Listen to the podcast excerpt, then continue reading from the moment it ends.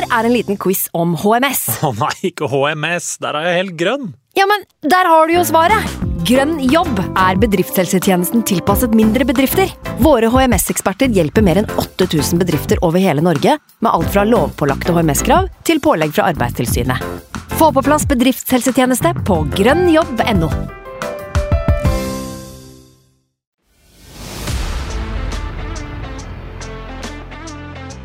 When I lose a duel, I'm upset. When I lose the small side of the game, I'm upset. Because that's the fucking standard.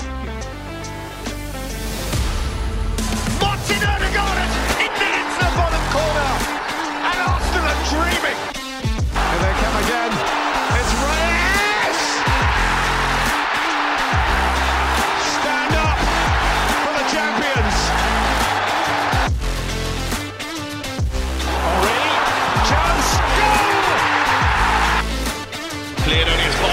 Far has to get his shot right.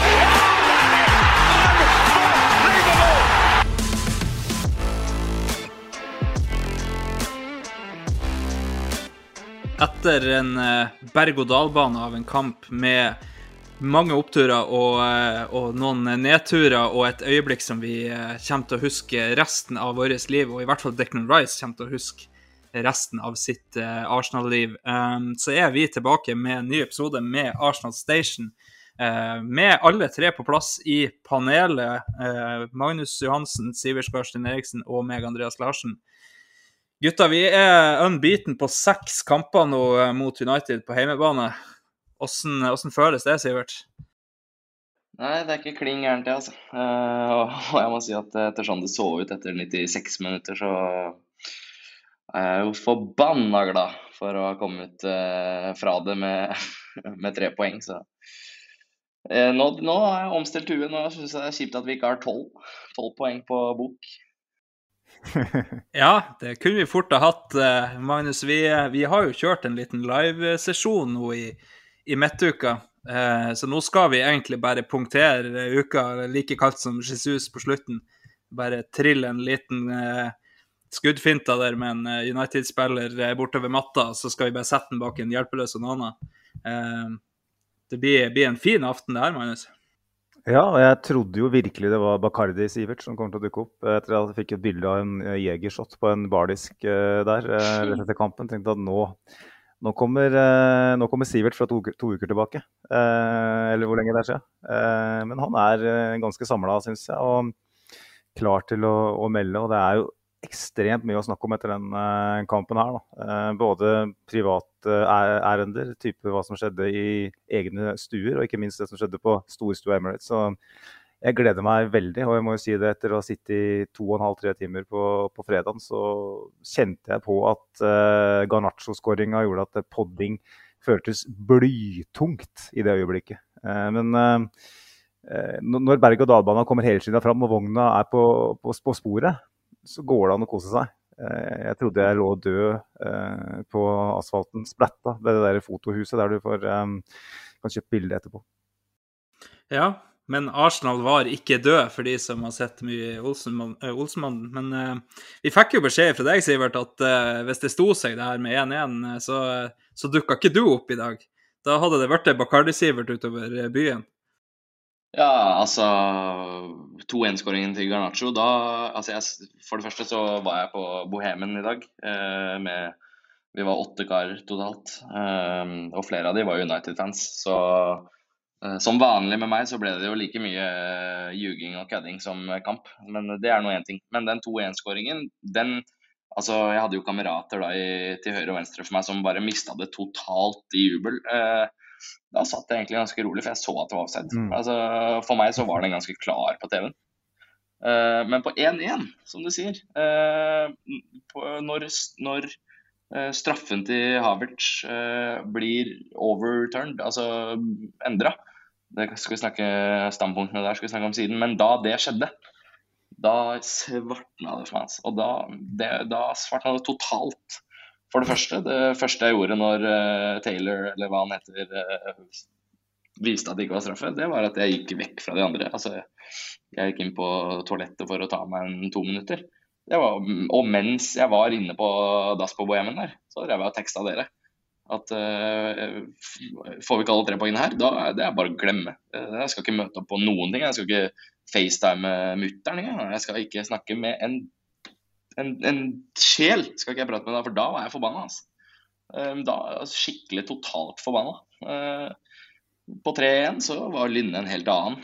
da ble jeg, ble, da, jeg, ble, spurt av kamerater da om jeg skulle være med på pub. Jeg ble spurt om vinkveld. Jeg ble spurt om Eh, diverse og diverse og diverse, og jeg sa blankt nei, for da, da hadde jeg veldig lyst til å podde. Nå gleder jeg meg til å podde. Kall meg gjerne medgangspodder. Jeg frykta litt hva du skulle utlevere om ditt privatlivet ditt nå, Sivert, når du sa at da gikk jeg på dass og tok meg, i to minutter og tok meg én. ja. hva, hva, kommer nå? Hva kommer nå? jo, nei, det er ikke midt i matchen, Magnus. ja, det er mye man kan gjøre på to minutter på dass. Ja, eh, Sivert han trenger ikke mer enn to minutter, han. Så det, det går bra, det. Eh, nei, men eh, vi, vi, tar det litt sånn eh, kronologisk her, gutta. Vi, eh, vi, må jo starte med, med nyhetene som kom eh, i går, vel. om et av de største spørsmålstegnene før denne kampen. nettopp Thomas Party, som, som, vi lurte veldig på om han kom til å starte på høyreback. Jeg og Sivert hadde jo en, en runde om det i, i forrige episode. Um, og da, når han da er skada, nå er de siste nyhetene er vel sånn seks til åtte uker vel, um, på en skade, og, og, da er det Altså, da setter jo laget seg nærmest sjøl, i hvert fall i, i bakre rekker. Da er det tilbake til det kjente kjære fra forrige sesong, um, med Zinchenko, Gabriel Saliba og White, og så framfor de da en, en fantastisk Declan Rice. Um, en litt litt blanda Kai Havertz, kan vi vel si mildt. Og, eh, og en uh, Martin Ødegaard tilbake på, på skåringslista etter hvert. Uh, Saka og, og Nketia og Martinelli. Da. Um, da fikk vi jo kanskje ikke helt svaret på de spørsmålene vi, vi hadde, men uh, vet ikke, Magnus, når du så laget, hva, hva du tenkte da? Nei, som forventa, egentlig. Uh, letta over at man uh, ikke prøvde noe Galaxy Brain uh, defensivt. Uh, med prøve noe andre enn uh, Party som inverterende på høyre side eller et eller annet. Uh, Zinchenko åpenbart klar til kamp. Gabriel uh, inne i varmen igjen. og fremover på banen når, når Party er ute. Så klart, da, da er plutselig alternativet på venstre innerløperplass litt færre. Jeg tenker man kunne kjørt Jorginho uh, med Rice da, til venstre. Uh, man kunne ha kjørt Vieira basert på det han gjorde mot uh, Fulla. Men med tanke på motstander og, og mulig kampforløp, så syns jeg Havertz var et ganske OK valg. Jeg syns han forsvarte det òg ganske mye de første minuttene. Og så kan vi jo etter hvert uh, diskutere hva som skjedde etter hvert. Men uh, Eden fortjente å beholde plassen. Uh, og vi fikk vel for så vidt se at uh, han skal slite veldig med å gjøre det, etter at Jesus kom inn på slutten. Så nei, ikke noe, ikke noe store overraskelser, uh, rett og slett. Og jeg vet ikke om det er noen andre som mener at, at, det er noe breaking news i forbindelse med det her. Nei, jeg vet ikke, Sivert. Har du noe tilføye om, om laget? Nei, det var ikke noe breaking news i det hele tatt. altså er Zinchenko klar for å starte, skal han selvfølgelig starte. Eh, og overskriften på forrige pod var 'back to basics', eh, og vi gikk back to basics. Det er jo Altså, Gabriel Saliba White, det har funket i halvannet år. Hvorfor? Altså, det, var, det sa seg veldig selv. Eh, jeg nevnte jo i forrige episode at jeg gjerne skulle sett Viera starte istedenfor Havertz. Etter de 100 minuttene så mener jeg det i hvert fall neste runde.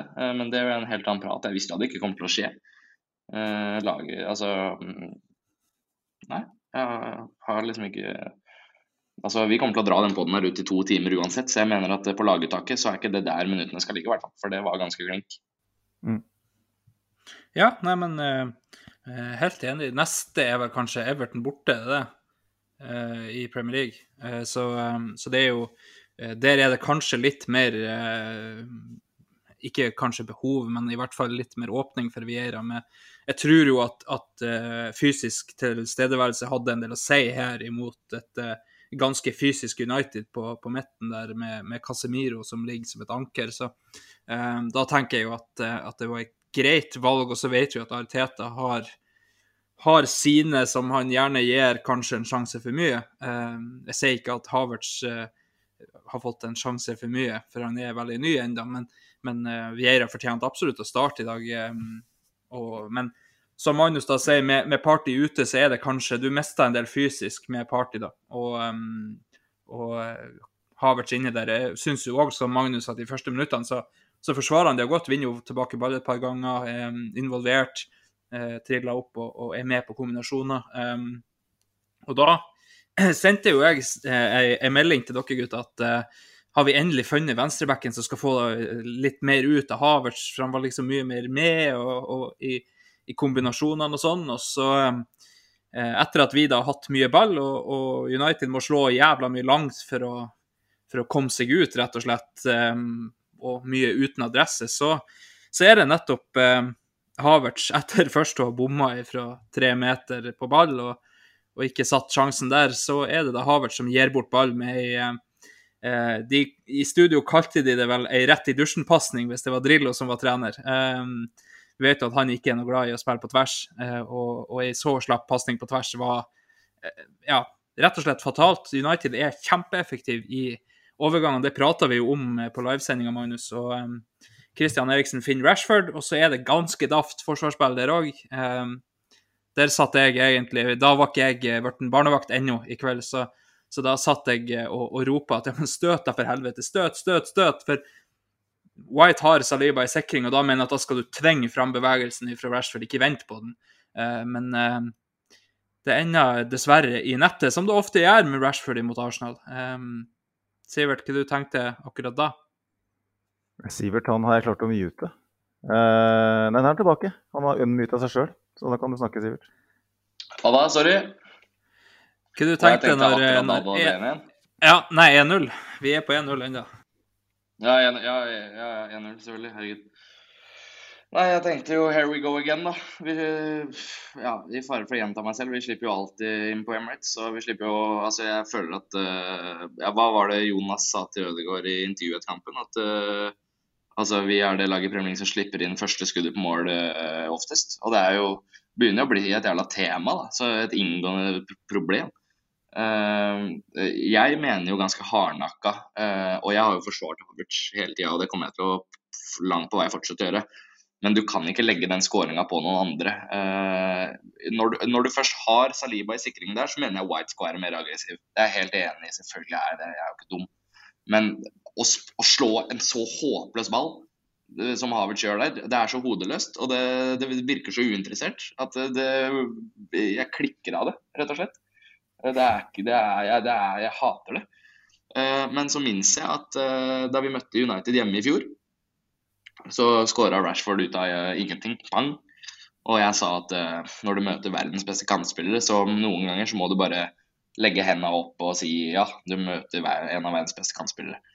Ramsdale kunne ikke gjøre noe bla, bla, bla. bla. Og det mener jeg for så vidt den gangen her òg. Dritdårlig av Havertz.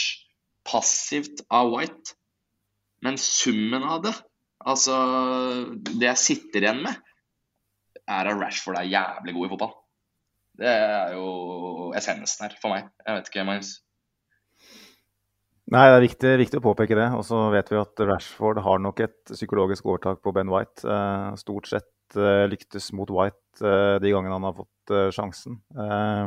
Kanskje var det det som gjorde at White ble litt passiv. Og det er jo ikke likt White. Han er jo, lar seg ikke affektere av noe som helst, den fyren der, egentlig. Han liker ikke fotball uh, osv. Men uh, akkurat den situasjonen der så legger jeg òg mest skyld på Havertz, som jeg, jeg, har lyst til å døpe om til gåten Kai.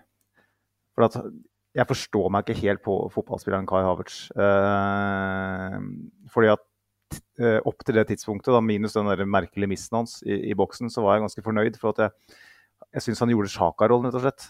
Han øh, var nede og svipa opp øh, i venstre kanalen. Han øh, pressa godt, lå riktig, vant igjen flere baller. gjorde flere veldig gode løp som ikke ble benytta. Kom seg i posisjon i boksen der når han brant. Jeg tenkte OK, symptomatisk for Havertz, men han er i posisjon. la oss håpe han får en sjanse til. Og så får han en sånn slags hjerneblødning igjen, som han har fått noen av Akkurat som han skrur av. Eh, og nå, nå var jeg ikke med i, i forrige episode, men full av matchen så er det vel et par sånne episoder, spesielt en hvor han kan vende opp i kjemperom. Ikke orientert, slår han i støtte. Eh, og det er sånn, Noen ganger så virker det som han, han er ikke konsentrert, han er ikke påskrudd. Jeg vet, jeg vet, ikke hva det er. Eh, en så smart spiller som han er, og måten Teta snakker om han på, som om han skulle vært eh, Sjaka nesten. Eh, og så har han de øyeblikkene. Og så blir han selvfølgelig veldig hardt straffa. Det er jo ikke en eneste gang i løpet av kampen at det er en feilpasning eh, i den fasen. Men det er veldig symptomatisk for, for, eh, for Havertz. Og det var vel du som påpekte, Andreas, at etter det så faller han litt gjennom òg. Mister litt eh, hodet. Og Nei, jeg, jeg, har nesten flere spørsmål nå enn jeg hadde når vi henta han. Og da vi henta han, så var jeg veldig klar på at jeg har veldig mange spørsmål.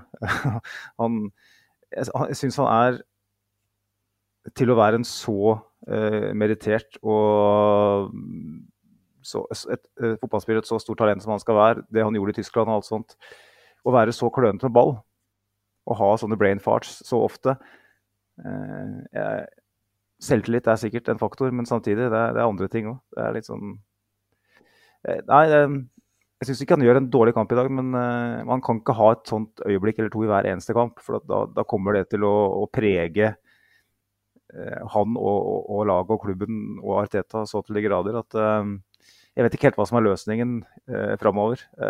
skal han tas ut av skuddlinja, eller skal han bare fortsette å bli kjørt helt til, han, til det klikker, til han får den skåringa si? Virker som Arteta bestemt seg for det, men det er gåten Kai som jeg, jeg sitter igjen etter den kampen her. Ja, det er jo det. Um, jeg syns jo òg når, det blir kommentert Han har jo et returløp som er jævlig bra avskjær, og det her er jo før uh, pasninga, da. Um, og, og, kjempebra returløp, avskjær ball og i det hele tatt. Og så er kommentaren ifra, ifra kommentator Vikestad at uh, ja, det var dårlig av United. Det er liksom, det, det, er lov at det er et godt returløp òg, liksom. Men uh, det er en, en småting. Og som du sier, så, så syns jeg han falt igjennom etter det. Det virka som at da, da datt det helt bort. Uh, dessverre. Det, det virka som det virka som han kom til Arsenal, blotta for sjøltillit, og så hadde det bare gått enda mer ned i kjelleren, liksom. Uh, og som du sier, så virker det som at Teta har bestemt seg litt i, i uh, litt i, i, samsvar med det han har gjort med en annen uh, angrepsspiller for Chelsea vi har kjøpt. Så så skal det spilles til det, til det absolutt ikke fungerer, liksom.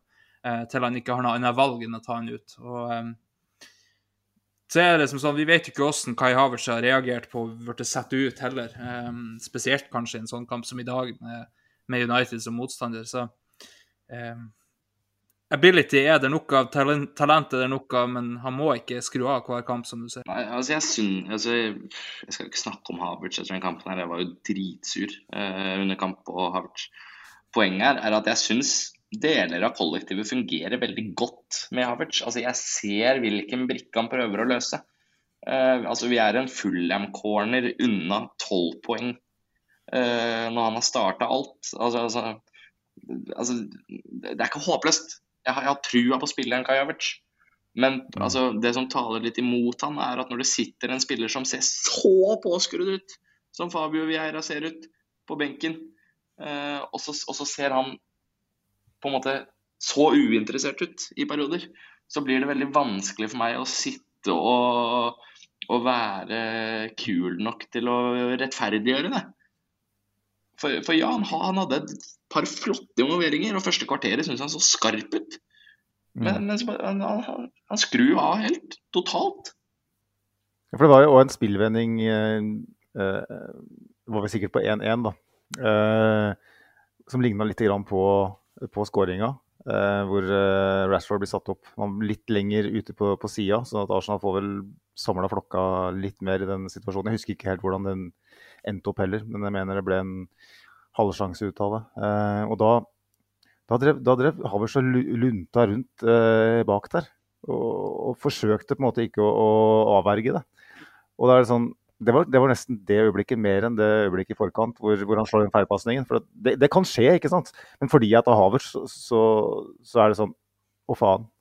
Men det som skjedde da på den andre spillredninga, er for meg et større problem. At han, skru, at han ikke da at han, igjen, at han virker som han ikke er til stede når United uh, setter i gang den, den kontringa. og det minner meg om den situasjonen mot Fulham. Det er sånn, vi, også på det nivået her, uh, mot en sånn type motstander, så har du i hvert fall ikke råd til å bare ha ti sekunder hvor du bare soner ut. Nei, altså Ødegaard briljant fotballspiller. Men vi har sett flere ganger at han slår en farlig tversoverpasning, og så er det mål eller burde vært mål for motstander. Det har vi sett mange ganger. Uh, og vi, vi, kapper jo ikke huet av Ødegaard for det. Og at han bommer på ballen på 0-0 Ja, det ser jævlig klønete ut, men uh, har, du, har, du, sett Torres uh, sin uh, påpent-mål liksom, tidligere? Altså Poenget her er at det, isolert sett, de to lever jeg helt fint med. Og som jeg sier, jeg ser fotballspilleren Kai Havertz det, liksom det, altså, Jeg sager ikke av karrieren til en fyr pga. en tversover og at han skyter hull i lufta. Jeg har sett um, fryktelig gode fotballspillere gjøre det samme. Poenget er det derre uinteresserte kroppsspråket til karen. Det, det, er det det, altså, det det, må jobbes med på, på, trening. Hvis ikke så kommer jeg til å bli frustrert i desember, altså. Men så er det ikke, det er ikke kroppsspråk heller, på en måte, når, sånn som jeg refererer til uh, den situasjonen, den spillvendinga og, og, den mot, mot Fulham. Uh, det, handler ikke om kroppsspråk, det handler rett og slett om å være påskrudd eller ikke være påskrudd. Uh, og det, det, tenker jeg at Øsil løper jo 13 km hver kamp, og samme gjør jo Havertz, liksom. Og gjør veldig mange smarte løp, mye rart. Men PP og løp, løp noen kilometer, ikke sant. Men det er de derre øyeblikkene hvor du liksom Du kan eh, gå inn og presse, du kan prøve å avverge, og så bare gjør du det ikke.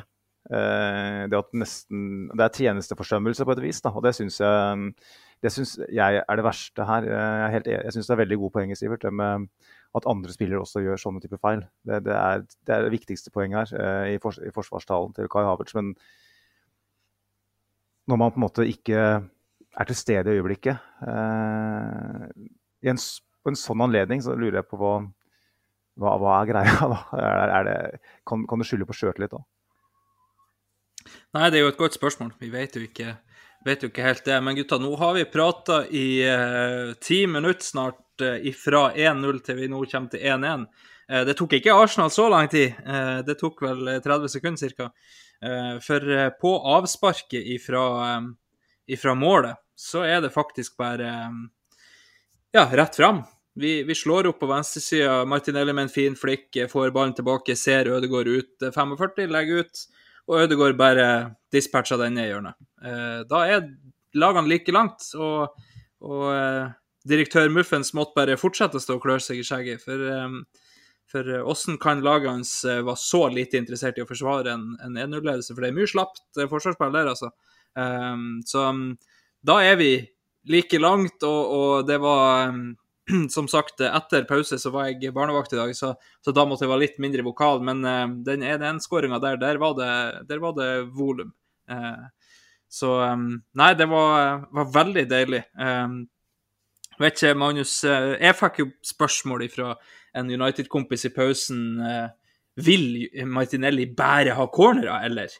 Eh, fordi at han bare skulle på utsida liksom hele tida. Så sa jeg det, men det kan Pep fortelle deg òg, at de mest effektive innleggene du får, det er ned mot dørlinja og ut 45, for da får du andrebevegelsen som kommer inn.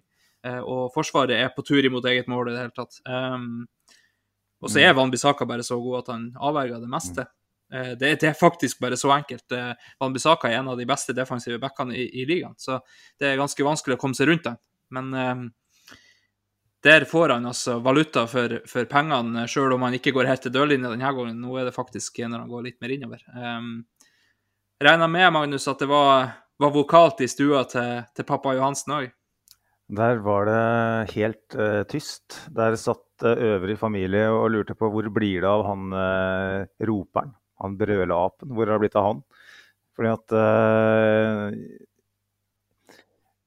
kan du ta det med en gang. Altså, vi har Denne sesongen her så har vi hatt åtte skudd på mål imot og har sluppet inn fire. Uh, som sier noe om uh, hvor mange av skuddene som går inn. Vi, snakke, vi, skal snakke mer om det etterpå, og hva som er årsaken til det. Men det føltes Eh, igjen litt symptomatisk for vår sesong.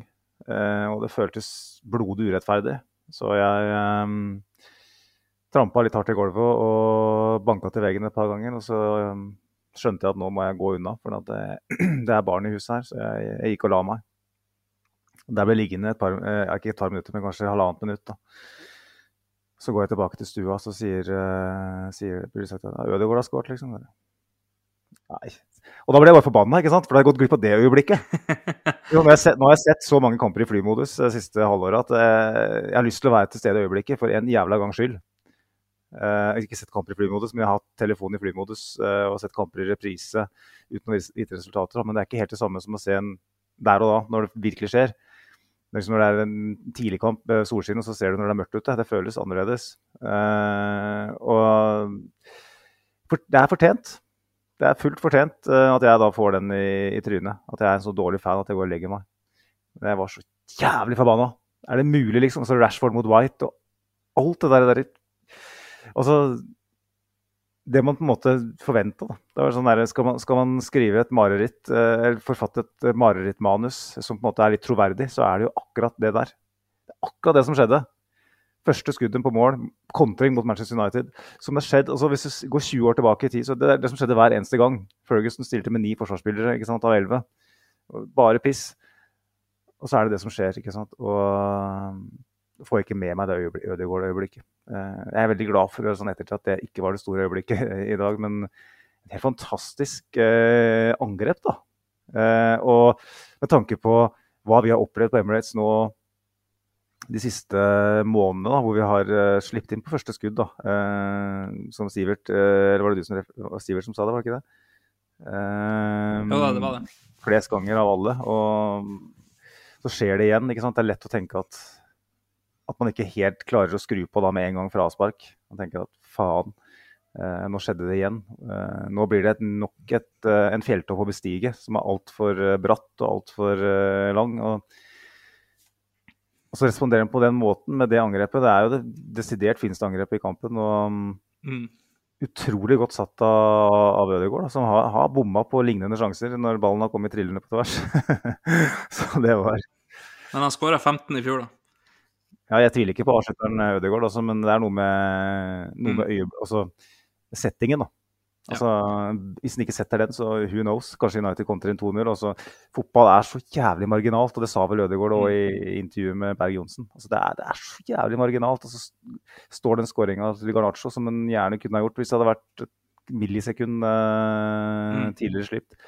Eh, får eh, Kai Havertz straffe som han skulle ha gjort. Eh, kanskje er det her en ganske grei rutineseier hvor vi vinner tre, kanskje 4-1. Det er så små marginer at, at den skåringa er vel så viktig som de to andre. Eller, altså Den siste er jo ikke viktig, da, men det er vel så viktig som Rice-skåringa. Ja, nå har jeg tre ting jeg må si. Den første er at det var jævla dårlig gjort av meg å sette deg opp sånn, for jeg visste jo at du var gått og lagt deg. Eh, den andre er at jeg er jævla imponert over at du tar hele den her med ting som skjer hele tida, og det her skjer ofte, og bla, bla, bla, uten å nevne eh, ordet på N, som du har for vane å gjøre når eh, du tar sånne. Eh, jeg prøver å unngå det. Ja, jeg, jobber, jeg, jobber, jeg jobber med meg sjøl. Ja, nei, men det er bra at du blir stadig altså, er, altså, bare, bare, for å si det. Vi kan ikke si N-ordet, som jeg prøver å unngå å si. Nei. Det kan vi ikke si for førstegangslyttere, for da tenker folk at det er helt andre ting. Ja, det, det, er sant. Altså, det, det er narrativ vi, vi, snakker om her, Ik ikke, ikke, det andre n som, som vi, man ikke skal si generelt. Eh, og den siste tingen jeg vil si, er Magnus, vi satt på fredag og tippa resultat. Jeg vet ikke om du husker hva jeg tippa? Eh, nei, det gjør jeg ikke, men jeg antar 3-1, ettersom du sitter ja. der med ja. et, gli, et, et, glis som kunne ha betydd ganske mye. Uh, type to minutter på dass-gliset. Uh, men har du penger på det da, Andreas? Nei, vet du, jeg gjorde faktisk ikke det, så eh, det For jeg at jeg Jeg fikk 11 Jeg fikk 11,5 i odds på 3 igjen, Hvor mye satt ja. du, da? Jeg så ikke det. 100, 100 kroner. Se her, ja. Se her, ja. Ja, det begynner å hjelpe, det. Eh, jeg har er, som vane at hvis jeg spiller på Arsenal, så går det til helvete, så jeg har slutta med det. Um, rett og slett av god, gammeldags uh, overtro. Um, jeg, um, Sivert, skal vi spørre deg, da, hva du gjorde når Ødegaard satt inn igjen en? Nei, Først og fremst så må jeg bare fullføre der jeg var. At, uh, at jeg tjente en tusenlapp på 3-1 i dag. Um, det, det første jeg gjorde da jeg våkna i dag, var å booke flybilletter til uh, Malaga for å dra på Sevilla borte i Champions League. Uh, det kosta meg det, det, kosta meg det bettet der.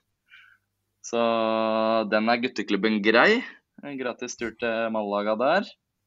Det blir ikke mye gratis når jeg har vært i baren i to dager, men det er en annen ting. Eh, I hvert fall. Uh, jeg var jo ganske forbanna på 1-0. Uh, og egentlig så hadde ikke det satt seg helt eh, da 1-1 ble et faktum. Så jeg, jeg, jeg, har ikke det, jeg har ikke en rå historie på det, Sandra. Sorry. Jeg syns det var jævlig lettende, mer enn noe annet. Eh, altså, da, da Ødegaard kom på lån til oss et halvt år fra San Sebastian, det er én ting han ikke hadde, og det er faen meg det der goalgetter-genet han har fått seg etter hvert nå. Altså, altså Han skåra 15 i fjor, han kommer til å skåre 15 i år. Eh, jeg, altså, som Magnus sa, han har bomma på de før. Når den ble slått 45, så, begyn, så reiste jeg meg fra sofaen på Bohemen lenge før han skjøt. Altså, for jeg, den, altså, jeg har sett nok Ødegaard jeg, siste året til å vite at den, den fyker i mål, den der. Han har rett og slett blitt en så komplett fotballspiller at det er så jævlig gøy, altså. Eh, men for å svare på spørsmålet ditt, så var jeg mer letta enn glad eller noen ting. Altså, det, det, ble bare to, to av Guinnessen og We Move, liksom. Det var ikke noe sykt. Men poenget at, ja, at man stoler på Ødegaard i de situasjonene til å, ta, til å bare ta tak i det og bare være tilgjengelig 45, minutter, 45 grader ut og sette den i mål. Det er så digg, ass. Og så må jeg også kommentere, nå blir det mye forskjellig fra meg her. To ting. Det første er han der United-kompisen din som lurer på hva Martinelli driver med. Han må ha sett sin første fotballkamp i dag, fordi Martinelli var vår klart beste spiller. Sånn, han må jo ha hørt på oss på fredag, når vi sa at vi ja, ja, kanskje, altså, kanskje fall... ønska mer ifra han. Ja, jeg syns eh, Rice også kan man eh, diskutere i den sammenheng, men Martinelli fryktelig god kamp. Mye bedre enn Bukayo Saka, for å si det sånn. Uh, flott kamp. Uh, og det andre jeg må kommentere, er egentlig hvor mange samtaler du har gående på Messenger under kamp. Det syns jeg er Altså, én United-kompis meldte det, og så en Tottenham-fan nevnte det. Og så podchatten vår nevnte det. Altså, jeg skjønner ikke hvordan du klarer å være i alle disse samtalene og ha bedre kontroll enn meg på hva som skjedde ute, ute på kampen. Eller åpenbart enn meg. Alle har bedre kontroll enn meg. Jeg drikker bare Guinness og prater. Men altså, det, Magnus, da. Altså, jeg skjønner, jeg skjønner ikke hvordan du klarer det. Du må ha fire øyne eller noe. Andreas, ja. Ja, altså ja, Andreas. Han, han, han, er, han, er, ganske lite seig på avtrekkeren når det gjelder uh, Messenger, eh, det må jeg si. Så jeg har dårlig samvittighet for eh, sånne mennesker som Andreas, som svarer så kjapt. Og jeg bruker to døgn på å svare på snapper og Messenger og sånn. Men det var jo jeg, jeg klarer jo ikke å sitte og, skrive underveis. Jeg, jeg, var faktisk på Twitter underveis i kampen i dag bare for at jeg var så indignert og dypt, dypt fortvila over den der straffesituasjonen som vi skal inn på. Ellers så pleier jeg aldri å skrive noe som helst eh, i løpet av kampen, for da er jeg i transe, rett og slett. Da er jeg på en annen planet, eh, og den planeten trives kun jeg på, stort sett, i det huset her. Den vil de andre ikke være på. Derfor går jeg og legger meg på et rom når ting går til helvete. Men vi kan jo gå, gå, videre, for så vidt, eh, Andreas. Det er jo uh, første omgangen eh, den Sånn midtveis første gang så syns jeg vi sliter litt. Mm. Uh, jeg syns United uh, har my veldig mye mer ball enn jeg har sett for meg. Jeg så for meg at det her blir sånn 70-30-match, spesielt med de fraværene United hadde. Det skal faktisk tas med i betraktningen at United hadde en lang skadeliste. Uh, og jeg er litt overraska over at de Eh, fikk lov til å trille så mye som de gjorde. At ikke presset vårt var enda mer på hugget. Og, og, for det var en del Onana jeg, jeg, liker jo Onana, da, men jeg syns han er litt sånn eh, Det lukter litt klovn av fyr nå. Mm. Eh, det var noen ganger han står der liksom, og nesten står og vinker inn spillere våre, liksom. Han, ja, virker han, han, skal liksom gjøre det så jævlig klart at han er bedre enn DG med ball i bein. Mm. Han, han, må liksom bare vise fram, på en måte. Jeg skjønner ikke hva du mener. Så det, liksom, det, ble, det, ble, veldig mye trilling, og um, United eh, tallene viser jo at United i løpet av første omgang hadde fem touch i, i Arsenal sin boks. Arsenal hadde 16 i United sin boks. Jeg har Tallene for kampen totalt er jo ikke klare ennå på de appene vi bruker. Så det er litt av problemet når man spiller en såpass raskt etter kamp. Men jeg tipper jo at tallene kanskje er enda mer ekstreme i andre omgang. Eh, for United har jo veldig lite å, å, å by på, bortsett fra overganger. Eh, men eh, overraska over eh, at United måtte få lov til å være med å prege førsteomgangen, eh, spesielt midtveis, så mye som de gjør. Hvordan så du det, Andreas? Eh, Så jeg får spilt opp deg litt her òg.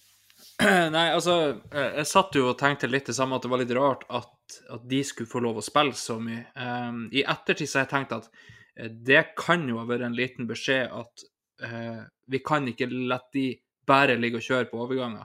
Eh, fordi at det vet vi at de er så gode på. De er ikke så gode når de må ha et eget spill som de er når de skal kjøre overganger. Kanskje det er for at vi skal prøve å catche de litt hvis de kommer litt lenger opp i banen. Uh, når de står med fem mann utenfor 16 og spiller, så er det litt vanskelig å, å, å på en måte ta de når de har en keeper som er såpass komfortabel med ball i beina. Um, men jeg vet ikke om det er instruks, eller om det er United som rett og slett er bedre enn det vi har forventa, og derfor så, så preger de det av naturlige årsaker. Um, men jeg syns jo samtidig ikke de skaper så mye, da. Uh, de skaper vel ingenting, omtrent. Så um, Nei, altså Nei. det er litt vanskelig å si om, om det er instruks at vi skal la de prøve litt. Vi vet jo at det på en måte er en, en måte å ta lag som eh, Som f.eks. Tottenham under Conte. Det var jo gi de ball, så, så er de jo ufarlige. Eh, hvis de får lov å, å ligge og kontre, så, så er de mye bedre. Så kanskje det er en liten sånn tanke der at Ariteta Arteta har sagt at vi er nødt til å variere presshøyde, vi er nødt til å, å variere hvor mye vi skal styre, og hvor mye de skal få lov å føle at de kommer inn i kampen. Og så kan det bare være at United var såpass gode at de fikk det til.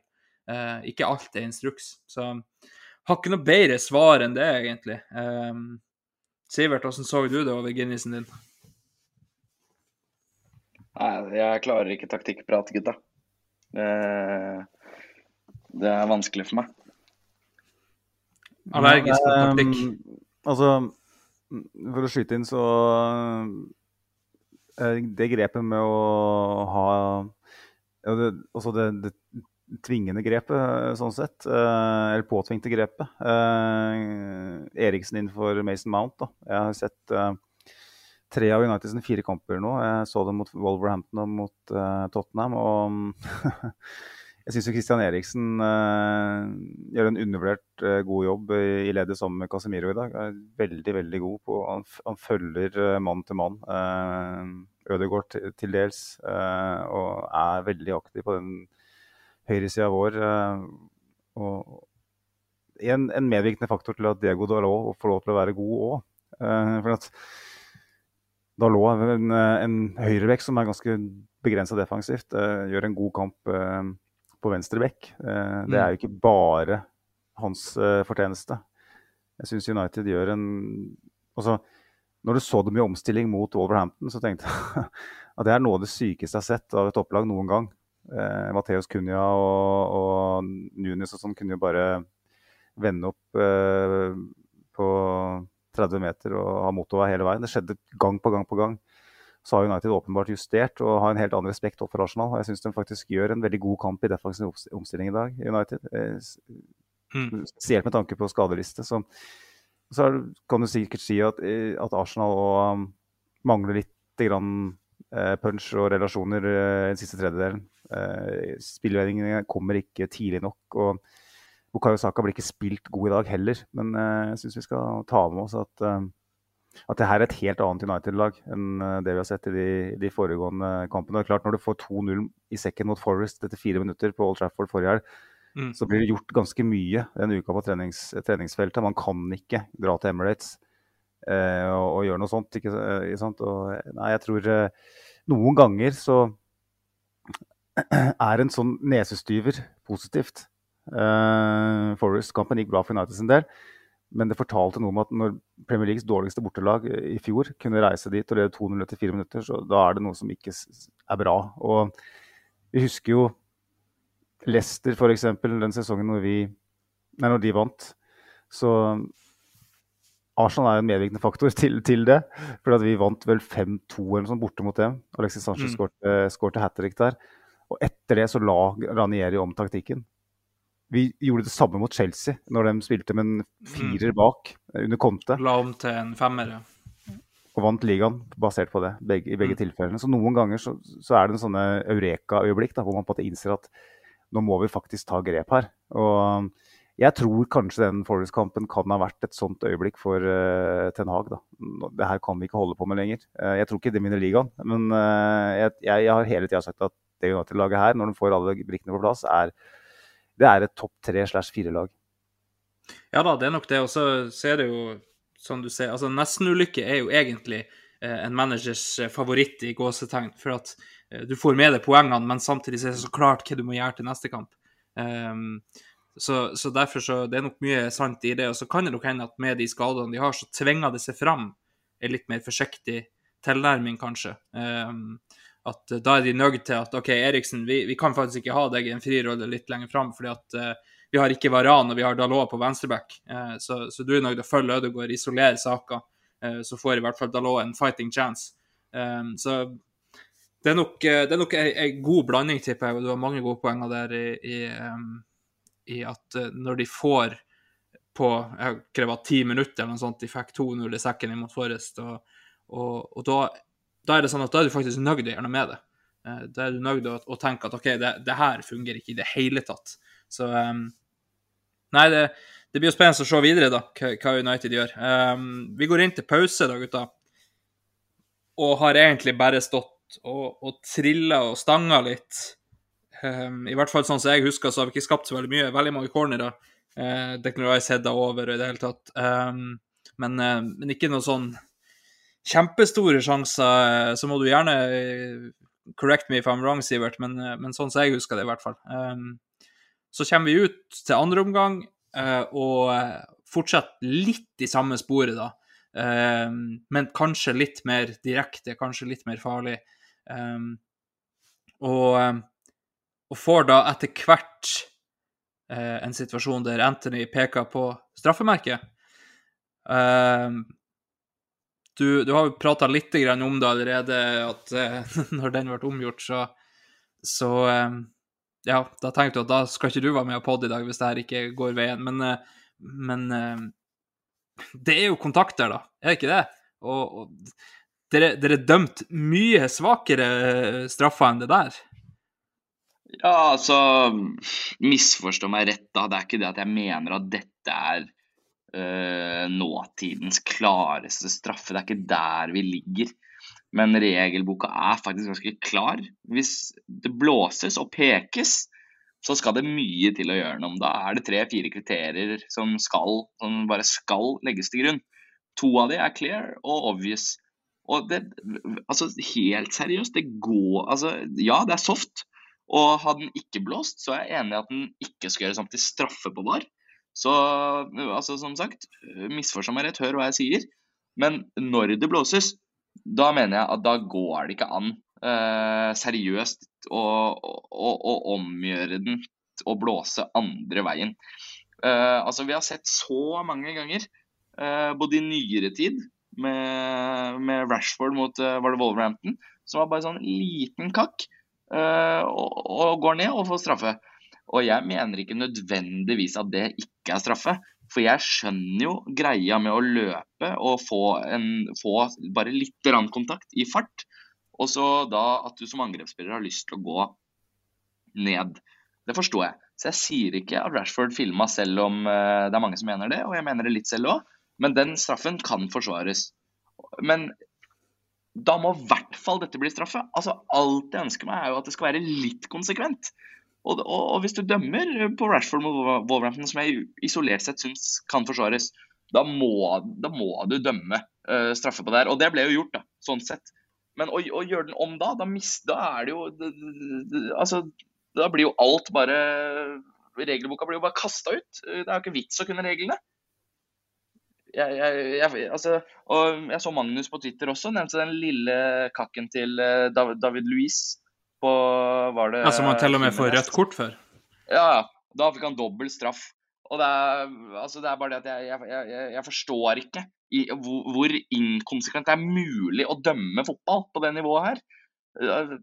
Ja, det er eh, holdt jeg på å si, tiradeslutt, altså. Men det er jo helt åpenbar kontakt her. Det ser vi jo spesielt på den vinkelen bakfra. At både lår og legg treffer ferdig. Bom! Det er soft. Men når det blåses, da blåses det. Og jeg driter i at vi vinner 3-1 eller 5-1. Den situasjonen der irriterer meg, og det kommer jeg til å gjøre til neste match. For det, er, det skjer Sorry, altså, nå, skal, nå skyter jeg billige poenger, men det skjer hver eneste gang jeg ser United over 90 minutter. Ja, eh, vi, vi, vet jo alle konspirasjonsteoriene som går der, og vi, vi har jo vært ganske enige i det til tider. Eh, det er jo Altså, når, han blå straffe der, så er det som du sier, kriterier for at han skal gjøre det om. Det er for det første at det skal være en clear and obvious mistake. All tvil skal gå angripende lag til gode. Og for det tredje, da, når, når, Taylor står i den posisjonen han gjør, for han står jævla godt plassert, egentlig, han står jo rett bak situasjonen, eh, og blå straffe, så skjønner jeg ikke at de kan gå inn og si at det der er soleklart feil at du blåser på. Uh, så var det mot Forrest, Sivert, at, uh, at Rashford får straffe. Han, han, får en kontakt i låret og går ned og, og får straffe. her er det ja, tydelig kontakt, både først med med, med ankelen bak der som gjør at foten kommer i en rar vinkel. Han går ned, og så kommer det en kontakt til. Eh, ja. Jeg tenkte bare OK, hvis, hvis, det der skal gjøres om altså Med en gang Anthony blir sendt til skjermen, så er det jo Det, det er faktisk bare Mike Dean som står og ser på skjermen og tenker Nei, jeg har rett. Eh, når han har fått beskjed om å, å, gå og se på det på nytt. Så Men, eh, da er det jo omgjort, da. Det er en ting jeg ikke skjønner. Fordi Taylor blåser straffe, og så VAR-bussen, se på den. Og grunnen til at han blir sendt til skjermen, det må jo være fordi at VAR-bussen er sånn Ja, den må du nesten se på sjæl, vi er ikke helt sikre. Det er jo det å gå til skjermen betyr. Og da skjønner jeg ikke når han selv har blåst. Da, skjønner, da må det jo være større terskel for å gjøre den om. Altså, jeg ble jo mer sikker på at det var straffe når jeg ser han går til skjermen. Uh, det er ikke helt på linje med deg, Sivert. For uh, hvis du ser historikken her, så er det vel Jeg tror jeg har sett én gang jeg, Uh, ja, og det er Mike Dean. Uh, hvor han går bort til skjermen uh, og faktisk står på avgjørelsen sin. Det, jo, men denne situasjonen isolert sett? Jo, det kan du si, men sannsynligvis har han fått beskjed om at her har du gjort en feil. Du må gjerne gå og se på det, men du har gjort en feil. fordi at det, det, er sånn det funker, virker det som. hvis dommeren sier at jeg har sett situasjonen, jeg så kontakt, jeg har ikke gått glipp av noe. Hvis de sier at nei, men du, det var ikke noe kontakt her, uh, eh, Mr. Taylor. Det, vi, vi ja, det var det jo. Ja, og det viser jo bildene òg. Uh, eh, sånn at uh, Taylor han må jo ha, tenkt på at kanskje så jeg noe feil. Og fordi at det henger sammen på den måten som det gjør med VAR, så um, uavhengig av hva han ser på de bildene, så tror jeg han vet at dette her er bare for galleriet. Det er et jævla spill for galleriet at de løper bort til den, skjermen. For at idet de gjør det, så er avgjørelsen tatt. Uh, og det er bare for at autoriteten til uh, hoveddommer skal bestå. At, uh, og jeg mener jo at, at det er litt ironisk. fordi at det er jo nettopp det som blir utfordra her. ja, og spesielt når, når, du ber han gå så feil han har gjort. Så er det liksom mm. sånn OK. da er det jo egentlig bare en sånn walk of shame egentlig bort til skjermen, og så kommer han ut etterpå og sier 'jeg tok feil'. sant? Jo, men som er, sagt, det, Mike altså, Dean han, han, hørte ikke på det den ene gangen. Ja, er, Da er det ikke vits å ha dommer. Da Da kan jo alt være videostyrt. Da er det ikke vits å ha noe ut der. da. Hvis den, der, hvis, den der turen til, hvis den der turen til skjermen skal være helt Andreas 17. Eh, mai 93, liksom. Walk of shame 18. mai der. Altså, det er jo Det irriterer meg så jævlig, altså. Det er Altså, ja, vi vant 3-1, men det, det er Åh, ja, samme det, jeg er ferdig. Jeg hadde altså tydeligvis walk of shame med når jeg var minus tre år. Det, det er gøy. Men uh, det er jo en til sånn dommer... Dommer kall, kall, det flause i min bok, i hvert fall. Uh, Lindeløv klipp ned din Ketia. Uh, jeg er med på at det ikke er rødt kort fordi han sparka han i trynet, for Eddie bøyer seg nedover, og da er du per definisjon så er det du sjøl som setter deg i fare, ikke motspiller. Uh, det er høy fot òg, men, men, Eddie bøyer seg ned, og da er det liksom sånn OK. Uh, men klipper jo ned Eddie da uten mulighet for ball på ei kontring der. Hvorfor er ikke det rødt, Magnus? Sivert sitter med fingeren oppe, men jeg gidder ikke å høre på han nå. OK da, Sivert, du skal få lov å kjøre. Nei, det går bra. Det er ordstyrer-perks, det. Og jeg prater jo mye piss, så det går fint, det. Men eh, altså, jeg prøver jo seriøst å se ting seriøst med øynene som ikke er Ja, objektivt, takk. Det er ordet. Det er ordet jeg leter etter. Jeg prøver å se det objektivt. Og når jeg satt og så på kamp med alle gutta i stad, og så reprisen og så det i real time og så alt, så, så mente jeg at det der er gult.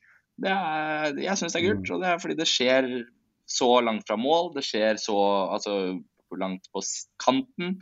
Uh, og ja, det er hardt og det er høyt. og jeg synes, altså, det, Som jeg sa til gutta litt flåsete, den er, eh, den er ikke lysegul, for å si det sånn. Altså ja, jeg er helt enig, den er dritskjøgg, Men jeg skal ikke være han som sitter i den poden her og hver eneste situasjon som, som vi kan vinne litt på som Arsenal-fans, og gå at Havert skal ha straffe.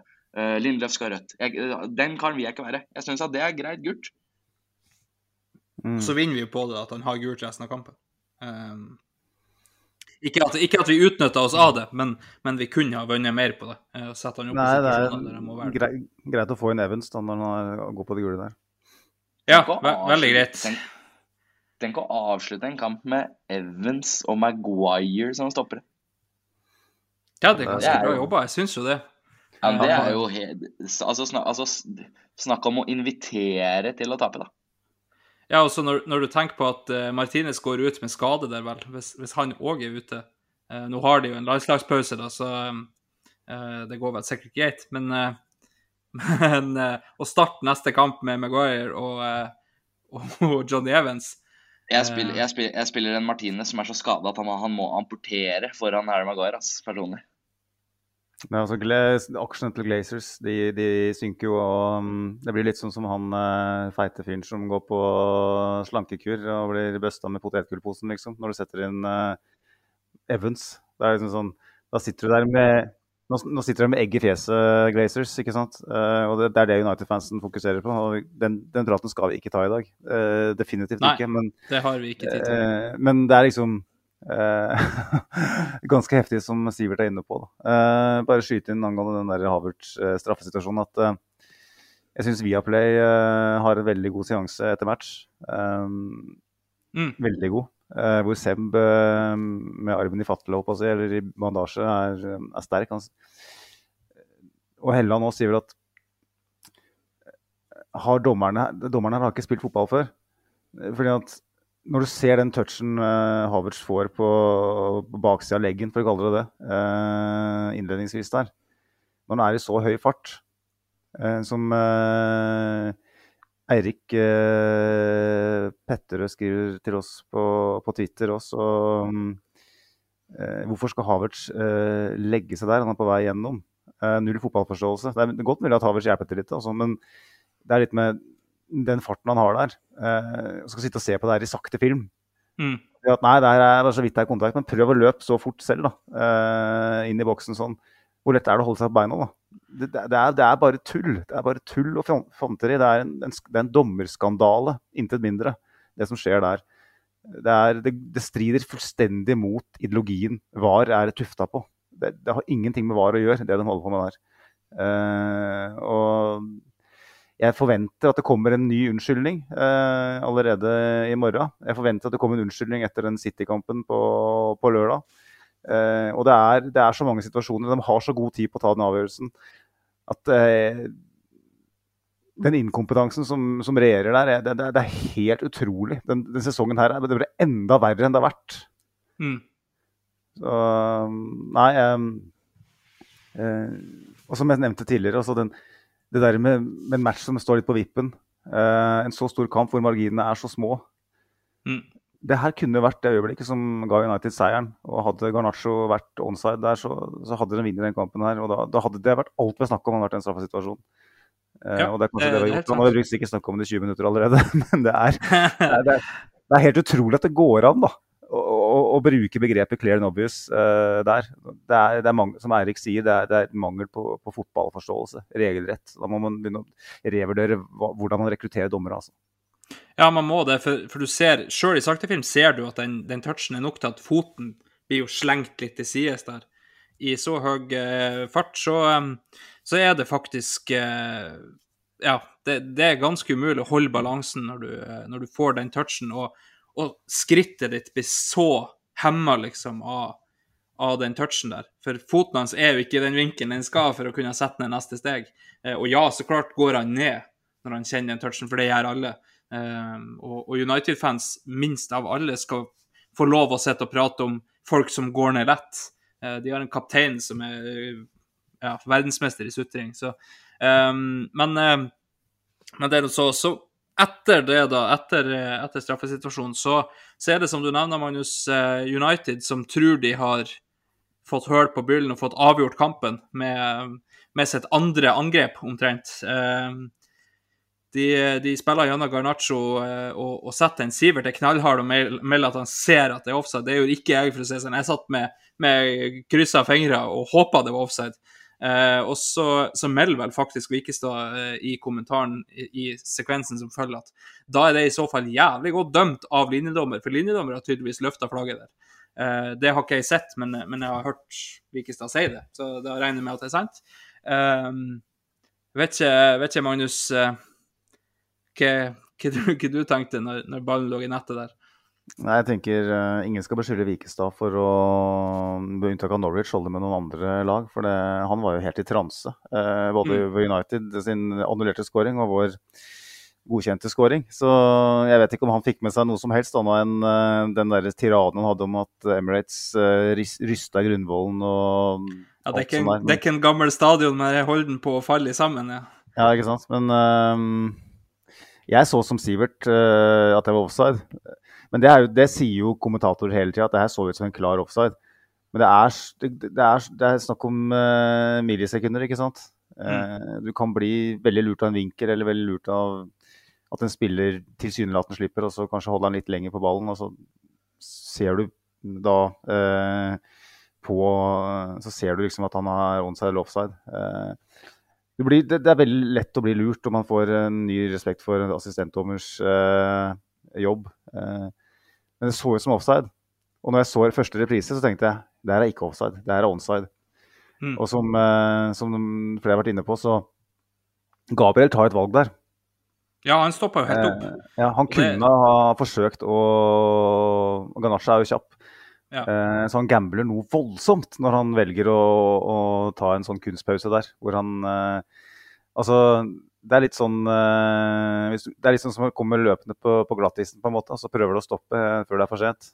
Gresset på Emirates er heldigvis strigger da. det er ikke noe, det er ikke fryst på der. Så han, han, klarte å stoppe. Det er liksom sånn at Han kunne falt inn i offside der. Nei, han kunne falt uh, United inn i, i onside uh, der, men uh, når han først tar ja, det, det valget altså, Det ser jo ut som han til og med suger inn magen, liksom, for å, for å få, få, den offside. Nå har ikke Gabriel så mye mage, da.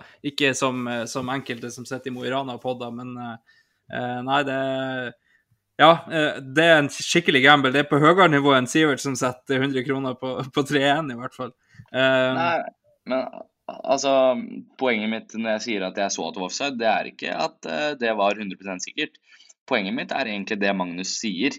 At uh, kommentatorer sier hele tida oi, det så jo ut som en uh, solklar offside. Altså, Det kunne godt vært onside, men da hadde jeg blitt mer overraska enn motsatt. Altså, Jeg satt og var ganske rolig på hele situasjonen, egentlig. Og hadde det blitt dømt mål, så hadde jeg jo som sagt blitt litt overraska. Men jeg sier ikke at jeg var helt sikker. En annen ting jeg må nevne, er at uh, disse tingene her er jo uh, grunnen til at vi ofte kaller Gabriel litt sånn hot-headed, litt sånn uferdig, litt sånn altså, altså, han gjør helt rett, misforstå meg rett igjen. Jævla bra involvering. Poenget er at hadde han vært den lille millimeteren for sein, så hadde alle snakket om at åh, det er faen ikke rart Gabriel ikke har spilt på tre, på tre kamper. Det er jo, det er jo, er jo bare piss for ham. Må jo følge Ganacho der hadde hele Twitter for meg øh, ville hatt huet til Gabriel på et fat. Uh, så det er jo Altså, det er jo detaljer, da, som det bunner ned på. Og jeg må bare si at Gabriel hadde en kjempekamp. Spesielt etter Høylund uh, kom på. full kontroll, egentlig, sist. Så jeg syns generelt vi har ganske bra kontroll på United, annet enn de to ja, situasjonene der. Eh, så, og så, så er det da vi som i stedet setter 2-1. Eh, det er Declan Rice med sitt, eh, sitt første ordentlige øyeblikk og sitt første mål for klubben og på Emirates, og det er på overtid. Uh, alt blir jo bare deiligere. Altså, På dette tidspunktet, så, som nevnt, var jeg barnevakt. Jeg satt med ei uh, på snart to på fanget. Um, og, og, når den sitter, så, så, kan ikke jeg gjøre noe annet enn å uh, jeg, jeg, tror jeg gjorde min beste kloppeimitasjon ever akkurat da. Det var noen grimaser og noen, noen armer ut til sida og, litt sånn forskjellig. Men jeg kunne liksom ikke gå ut i full bannskap sånn som man gjerne vil. Men Sivert, du skal få lov å, å svare på det her først. Når, når Rice eh, sikta inn der, skyter via et uh, United-bein, og så, så, ender den i nettet. Hva, um, hva, følte du da, for å spørre det på fint journalistvis? Nei, altså, jeg kyssa kompisen min på panna, klemte en uh, random skjeggete kar som satt på bordet ved siden av på Bohemen. Han satt i Liverpool-drakt, men det ga jeg jo flatt, flatt i. Eh, jeg skulle jo bare klemme det som var innafor radius.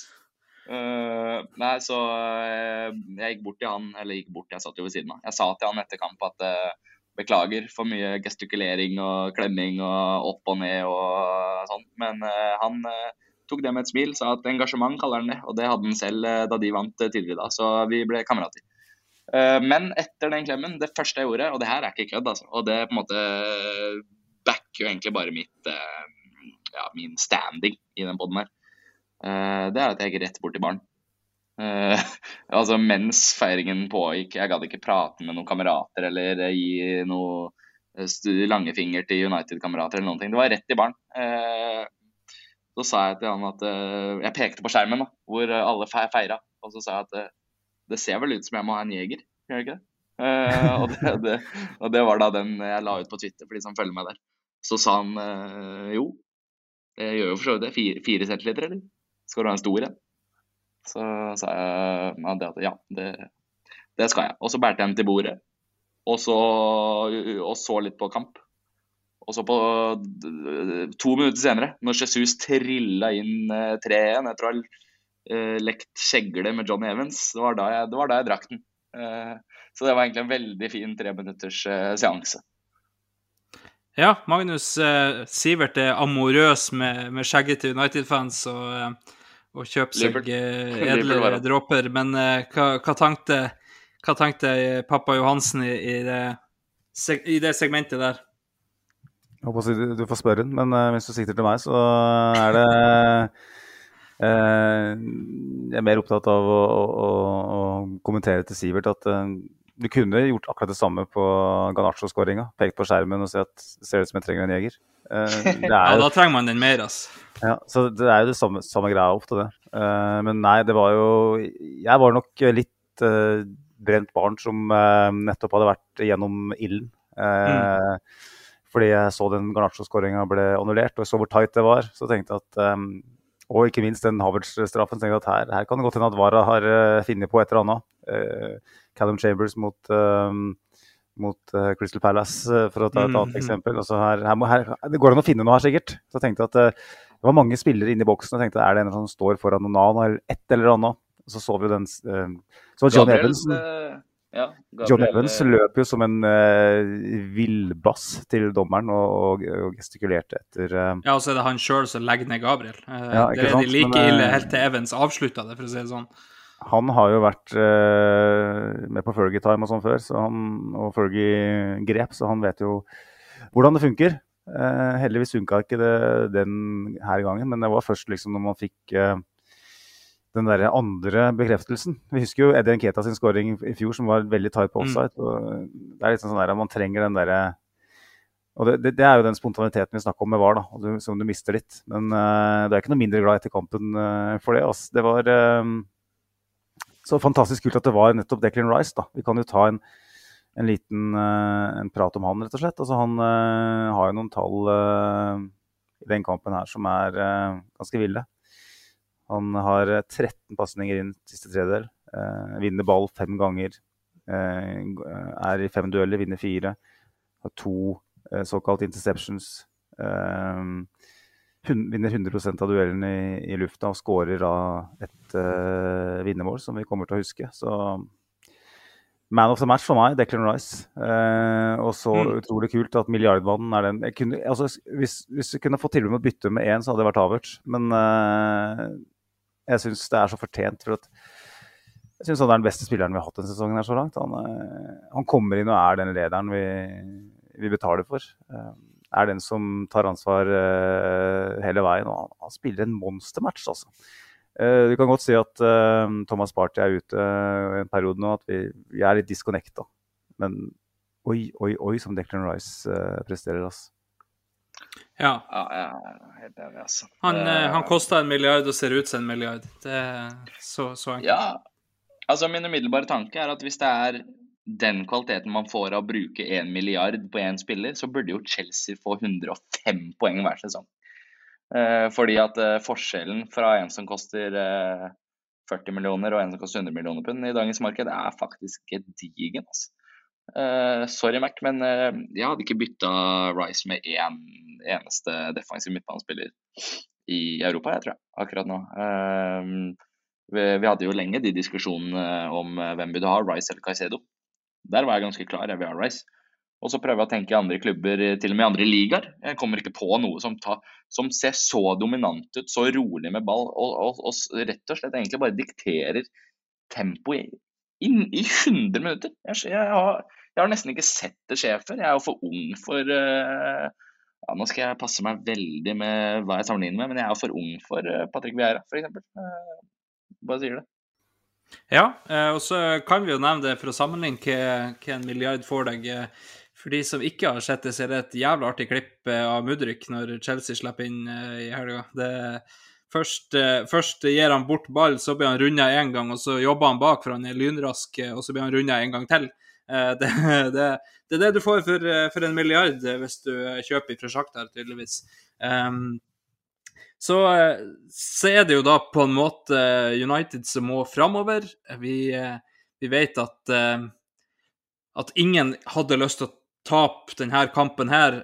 Min United-kompis som jeg nevnte tidligere, han sa han var fornøyd med uavgjort. Så sa jeg det, det er ikke vi, det kan jeg love deg. Eh, og, og når den 2-1-skåringa eh, går inn for Arsenal, så er det jo United som, som får litt presset på seg, da. Og det resulterer jo da i, i situasjonen som du nevner, Sivert. Eh, Eh, Fabio Vera med enda et målpoeng. Eh, perfekt stikker igjennom til Gabriel Jesus. Han er helt alene. Han har aldri skåra i et Manchester-derby når han var i City. Eh, han skåra ikke mot eh, United i fjor heller, fra Arsenal. Og så er han alene mot eh, Onana og Evans. Eh, og så finner han ut at eh, Evans, jeg skal bare si takk for kaffen, du kan gå og kjøpe deg ei pølse. Og så triller han bare den i hjørnet. Um, Magnus, det her Det var the cherry on the top of the icing on top of the cake, var ikke det? Nesten litt slitsomt at han fikk den skåringa. For sånn, jeg har lyst til å være Declan Rice på Declan Rice-kjør her, men selvfølgelig, vi tar det imot. Og litt Nicolai Nelka, syns jeg, mot en der. Eh, viser ting som vi ikke ser så jævlig ofte fra Jesus i sånne situasjoner. Og jeg må bare si at Jesus kommer inn og er jævlig god. Eh, Mm. Han er den rivekula som vi ønsker at han skal, skal være, og viser at i visse matchbilder eh, hvor vi på en måte ikke får, får i gang kollektiv og ikke får hva skal jeg si, ja, eh, slått i stikkerne sentralt spesielt, så, så blir Eddie Nketia litt uh, borte. Jeg syns Nketia gjør mye sånn OK bra i dag. Det lille han er involvert, er bra, men Jesus han uh, Det er vel tre-fire sånne dribleserier, blant annet, uh, nede på høyresida der, hvor han ska, skaper noe. Og viser liksom litt av det vi så i fjor høst. Da, at ok, han skårer kanskje ikke hver eneste kamp, og sånn, men han, han, han, han skaper så mye, da. Eh, bare på måten han, han spiller på. Og eh, ja, Eddie er landslagsspiller for England nå, men eh, eh, Jesus skal jo inn igjen eh, i det laget her. I alle fall i, i kamper hvor vi møter eh, eh, Vi må jo kunne si at vi møter et United som spiller med lav blokk i perioder, iallfall. Eh, I sånne kampbilder så er Jesus helt, helt konge. Og, Og vi må jo forvente at det er det vi møter eh, borte mot Everton òg. Ja. Eh, Everton Jeg så faktisk Everton nå mot eh, Sheffield United, og de har fått inn Beto. Eh, han så veldig, veldig bra ut. Eh, liten vitamininnsprøytning i han, men eh, mot Sheffield United skal sies. men uh, Everton skal jo altså Vi har jo et Goodison-kompleks, men uh, vi kan ta mer om det senere. Jeg vet ikke, Andreas, vi, vi har jo vært ute og fiska etter lytterinnspill. Mm. Tatt, nesten ikke tatt med noe, tatt med ett hver. Så bare sånn Hvis vi er ferdig med å snakke om kampen, så må vi kanskje prøve å ta noen spørsmål, iallfall.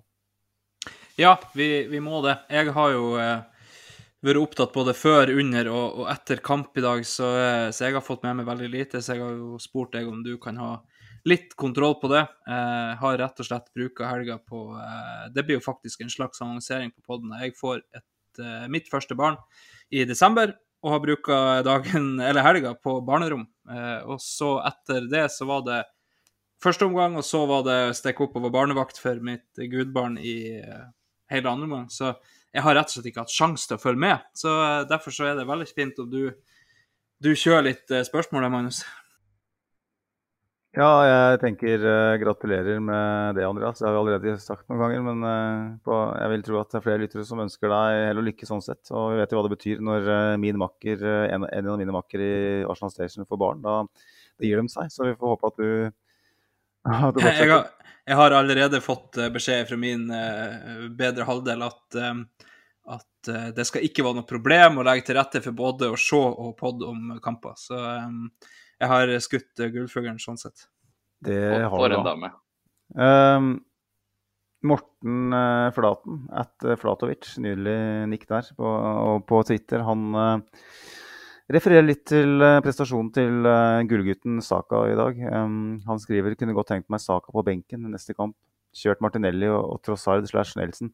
Viktig overfor gruppa å vise at det er konkurranse om plassene. I dag syns jeg saka er direkte svak. Flere dårlige touch og nære på en reprise av eh, Fulham-kampen. Tanker? Ja. Eh, jeg syns Nelson kommer inn og ser frisk ut, eh, som han som regel gjør. Nå har jo han spilt stort sett venstre da, eh, forrige sesong, og, og, så langt i år. Det er jo bare fire kamper inn, men eh, men ja, eh, absolutt et, et, et, alternativ, så er det jo òg et alternativ med Vieira på høyre, som, han, eh, som Arteta har spilt litt i preseason. Uh, Jesus kan spille der, ikke at vi har sett det i Arsenal, men, men han kan spille der. Da kan Ketia fortsette. Um, så det, det, er nok et poeng i, i, det som vi får i, i spørsmålet der, at det, skal være konkurranse om plassene. Og, og Saka har ikke sett ut som Saka uh, så langt i år. Ja, han skåra i, i, første kamp, og, og har for så vidt hatt fine involveringer, men jeg, jeg syns kanskje at motstandere har eh, tatt kjempemye hensyn til den høyresida vår. Så det er ikke bare sakene sin feil heller. Eh, de ser at venstresida vår fungerer ikke helt, og da, da passer de på høyresida. Så, så, så, får ikke saka på en måte gjøre det han skal. Eh, jeg vet ikke, Sivert. Eh, hadde du likt å sette saka på, på benk neste kamp? Nei, jeg syns det blir for reaksjonært. Jeg syns vi har ti poeng uh, av tolv mulige. Jeg syns uh, Saka har vært litt hit and miss, litt uh, hot and cold. Det syns jeg er OK. Nå er det landslagspause, nå skal han vekk med England, komme tilbake helt uh, fresh. Ikke fresh, for han kommer til å spille to ganger 90 minutter, men fresh i huet i hvert fall. Få litt avstand fra, fra, Arsenal. Og da mener jeg å begynne å benke han, da, altså, da rokker du ved noe større enn det som behøver å rokkes ved altså Kollektivet vårt er så godt at Saka kan spille på 85 og vi, vi slår United 3-1. Altså, poenget her er at altså, han skal jo spille til det funker, eh, eller til han sier selv at han trenger en pust i bakken. Uh, vi skal ikke på en måte Arteta skal ikke liksom ja, uh, vise hvem som er sjefen. Altså, velg dine kamper litt med omhu. Selvfølgelig skal Saka spille borte mot Everton, mener jeg. Um, og jeg syns at uh, Reece Nelson kommer inn og er kjempebra. Trossard får ikke et minutt, uh, som jeg syns er uh, under kamp, så syns jeg det var kjempemerkelig. Uh, men altså Begge de to er ganske langt unna å starte for uh, Bukayo Saka. Så vi snakker om en spiller som har godt over 20 målpoeng i seg i av en sesong. Eh, så svaret mitt er bare at eh, det syns jeg ikke. Jeg syns han skal starte. Ja, Trossar var jo ganske svak forrige kamp òg, da. Eh, det kan være derfor han ikke kommer inn i dag. Jeg vet Han er, ikke, han, er, han er ikke langt unna sånn sett, Trossar, det er når han starter forrige. Men eh, Fredrik Heierstad eh, kommenterer på, på Twitter at han synes innsatsen til Reece Nelson igjen gjør når han kommer inn. Eh, ikke bør glemmes. Eh, kriger og engasjert og gir alt i alt. Jeg tenker jo, er det ikke Reece Nelson som på en måte er den ene naturlige eh, backupen til, til Saka? Og i så fall, som Heierstad er inne på, eh, kriger, viser vilje og, og har jo vist i øyeblikk at han er en, en fantastisk, eh, et fantastisk talent, iallfall. Eh, vist at han kan være tunge på vektskåren i enkelte øyeblikk. Er, da er spørsmålet mitt sånn sett er eh, Er Reece Nelson altså Hvis Saka først skal benkes, da, er det Reece Nelson som skal inn? Det er jo et godt spørsmål, da. Eh, som jeg nevner her, så har vi jo flere alternativer. Men, eh, men jeg vil jo tro at i Teta sine øyne så er det jo Nelson sin nærmeste, i hvert fall. Eh, hvis ikke han tenker at Vieira kan spille på den høyrevingen, da. Uh, for han, er veldig tydelig veldig glad i å sette inn på Vieira, så det kan godt hende at han òg er et eh, alternativ. Der spilte jo det litt i preseason, som nevnt. Så, eh, men eh, Reece Nelson starta vel karrieren i Arsenal som høyreving, så eh, det er, noe, det er ikke noe feil med å sette han innpå der. Eh, samtidig så er det Vi har prata litt om det når det gjelder Trossard. da. Kanskje han, at han faller litt for eget grep, at han er så god ifra benk at Arteta tenker at det er viktig å ha noen som kan være god ifra benk òg. vi vet jo at sånne spillere som er supersubs, de er som regel supersubs fordi at hvis du tar ut førstevalg og setter han på benken, så er det ikke sikkert han leverer fra benken. Eh, så eh, det, er, det er et veldig godt spørsmål det, om det er Reece Nelson som er nærmest sånn sett. Jeg vet ikke, Sivert, har du noen tanke om det? Jeg svarte jo for så vidt akkurat på det. Uh, ja, kanskje Nelson er nærmest, men det er jo et sjumilssteg unna Bukayo Saka. Jeg syns Nelson sjarmerer veldig fra benken. i flere Uh, Har gjort det flere ganger, og det er en spiller jeg liker veldig godt. Jeg er glad han signerte ny kontrakt. Brighton var ute etter han. Uh, han hadde jo fått masse minutter i Brighton, Reece Nelson. Han er kjempespiller. Men uh, å, å begynne å rokke ved Bukayo Saka nå altså Vi satt jo her forrige, forrige uke og snakka om eh, hvor svak Martinelli har begynt sesongen, og så kommer han i dag og er banens beste. Det er bare den kvaliteten du har med disse spillerne, som er blant de tre-fire beste i Europa i sin posisjon. Du, OK, du får 90 minutter som er dårlig, men så får du de neste åtte 90 minuttene som er fantastiske. Så bare la det skje. Ja, da, men nå Mm. har jo Bukayo Saka på en måte fire relativt svake eh, kamper bak seg, da. Eh, når skal vi gi han Ja, Det skal du få lov til å si, men, du, du, men, ja, men det du gjør nå, er bare å gjenta deg selv og, og vente på at jeg skal si noe annet enn jeg gjør. Jeg vil jo fortsette å starte saka. Ja da, det er, og jeg skjønner det. Jeg, jeg tenker bare at det må jo etter hvert bli et argument for at, at noen andre skal starte. For det er egentlig ikke hva navnet ditt er når du, når du er i et sånt lag som Arsenal, som har aspirasjoner helt der oppe. Um, det er liksom sånn at du uh, Til sjuende og sist, kan hvis du godt ikke begynne å leverer, så må argumentere det senere, men, men vi, altså, den diskusjonen starter ikke første runden etter land, landslagspeis nummer én.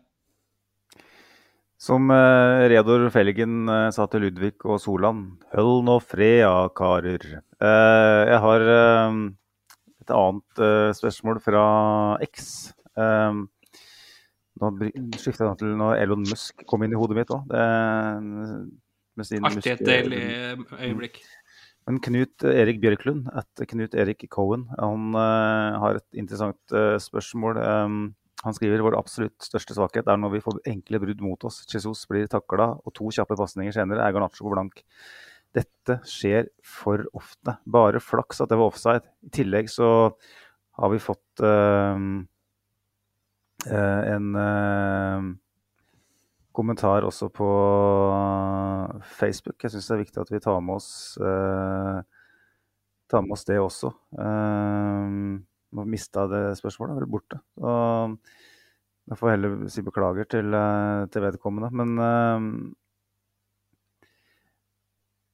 hva, hva er det som som skjer Jo, nå, Stian Aarseth er det. Så jeg vil ta med Stian. Eh, han har vært kommentert flere ganger, så jeg syns det er viktig at vi, at vi, legger merke til det. Han skriver Vi er litt dårlige på Facebook, folkens. Jeg skal prøve å skjerpe oss på det. Han skriver at denne kampen kunne vi på begge veier. Syns vi ser rufsete ut bakover. Og det, det, det, er jo nettopp det. For vet, rufsete bakover det ligger jo i én en eneste ting. Vi slipper jo ikke til United i det hele tatt i den kampen her, egentlig. Bortsett fra Eh, når vi mister ball selv offensivt. Eh, og Det har vi sett tidligere, vi så det mot Nottingham Forest. Eh, det er et problem som Knut Erik er inne på. Er det, er det her noe vi bør å si, være oppmerksom på? Er det her et problem som har vart over lengre tid, eller hva tenker dere, gutter? Sivert, har du lyst til å begynne der, da? Uh, ja, først og fremst så syns jeg at uh, det er enig at den kunne vippe begge veier. og jeg at vi ser litt rustet ut, er jeg også helt enig i. Jeg, altså, jeg syns uh, store deler av kampen så uh, står vi litt på hælene. Det første touchet sitter ikke, bevegelsene sitter ikke. Og det er klart at et eller annet mangler. Men Nevenyttig mener jo at vi var jævlig gode i dag, så jeg vil heller høre hans take. Ja, jeg meldte jo det til dere, og da fikk jeg jo hundkjeft av deg, Sivert. Det endte jo med en diskusjon som, som jeg sa at hvis du seriøst mener det her, så, så stiller ikke jeg opp i kveld. Eh, så har jo jeg foreløpig 100% oppmøte, og jeg elsker å oppbevare mitt 100 oppmøte. Eh, så eh, Nei, mitt grunnlag for at vi var jævlig gode, var ikke at vi så perfekt ut. Det var at vi, vi hindra et av de beste overgangslagene i å, å komme til omtrent noe som helst i dag. Vi står veldig godt. Vi hindra United i å, å spille sånn som de vil vi ser at Onana vil trille ut bakenfra, så står vi der, så må han slå langt flere ganger første gang uten adresse. Eh, og, og Ten Hage og henter Eriksen til seg flere ganger og, og vil justere, eh, og så blir det ikke bedre. Så eh, det var grunnlaget mitt for at vi var jævlig gode i dag. Um, vi, vi, så mer truende ut enn United, og så vet vi at United, eh, når de skårer 1-0, så viser de at eh, de er dødelig effektive hvis du slipper det til. Og det er jo litt problem når, når Magnus i tillegg kommer med statistikken at åtte av fire eh, fire av åtte sorry, har gått inn. Det er 50% av skuddene, det. Det er Chelsea som hvor åtte av fire skudd går inn, hvis du spør fansen deres. Ja, eh, og da, eh, da, blir det jo plutselig 200% av skuddene, og det, det blir litt mye. Um, men 50% av skuddene går faktisk inn på Arsenal. Uh, og som du uh, riktig sier, Magnus, er det når vi mister ballen høyt Eh, eller det trenger ikke være så høyt heller, men, men, når vi er på vei framover, da. Um, og, og, det er et problem fordi at vi så egentlig i perioder i fjor at vi var så jævlig gode på omstilling. Altså, vi, vi var så påskrudd i omstilling i enkelte kamper. Um, og så er det blitt en ting, det der at vi plutselig slipper inn For det første tidlig, at vi slipper inn alltid på Emirates. At vi, vi, eh, vi trenger ikke Altså, lag trenger ikke ti avslutninger mot oss for å score. Ehm, det, det, er et problem, eh, fordi at eh, når vi spiller sånn som vi gjør, så kommer det til å komme brudd.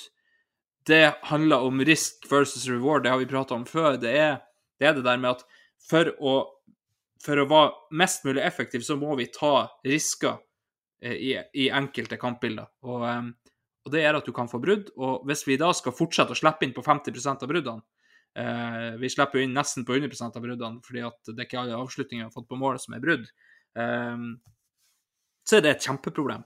Eh, jeg vet ikke helt hva det kommer av, om det er at vi rett og slett committer litt for hardt til å gå framover, eller om det er noe som Altså, det er jo helt tydelig noe som Mariteta må jobbe med på, på treningsfeltet. Magnus, du har ikke svart på noen av spørsmålene så langt, så jeg, eh, jeg vil gjerne høre din take på det her. Nei, altså, kan, kan man kan man forenkle det og si at uh, ja, vi har sluppet inn på halvparten av avslutningene eh, på mål. Uh, men betyr det at de få sjansene motstanderne kommer til, er store? Rett og slett fordi vi tar mye risiko. Og betyr det igjen eh, at når vi først ligger i, i dyp blokk, eh, når vi, eller når vi først forsvarer oss med mann bak ball, så slipper vi ikke til noe som helst. Ref det som skjedde mot Crystal Palace, hvor jeg syns vi var briljante defensivt.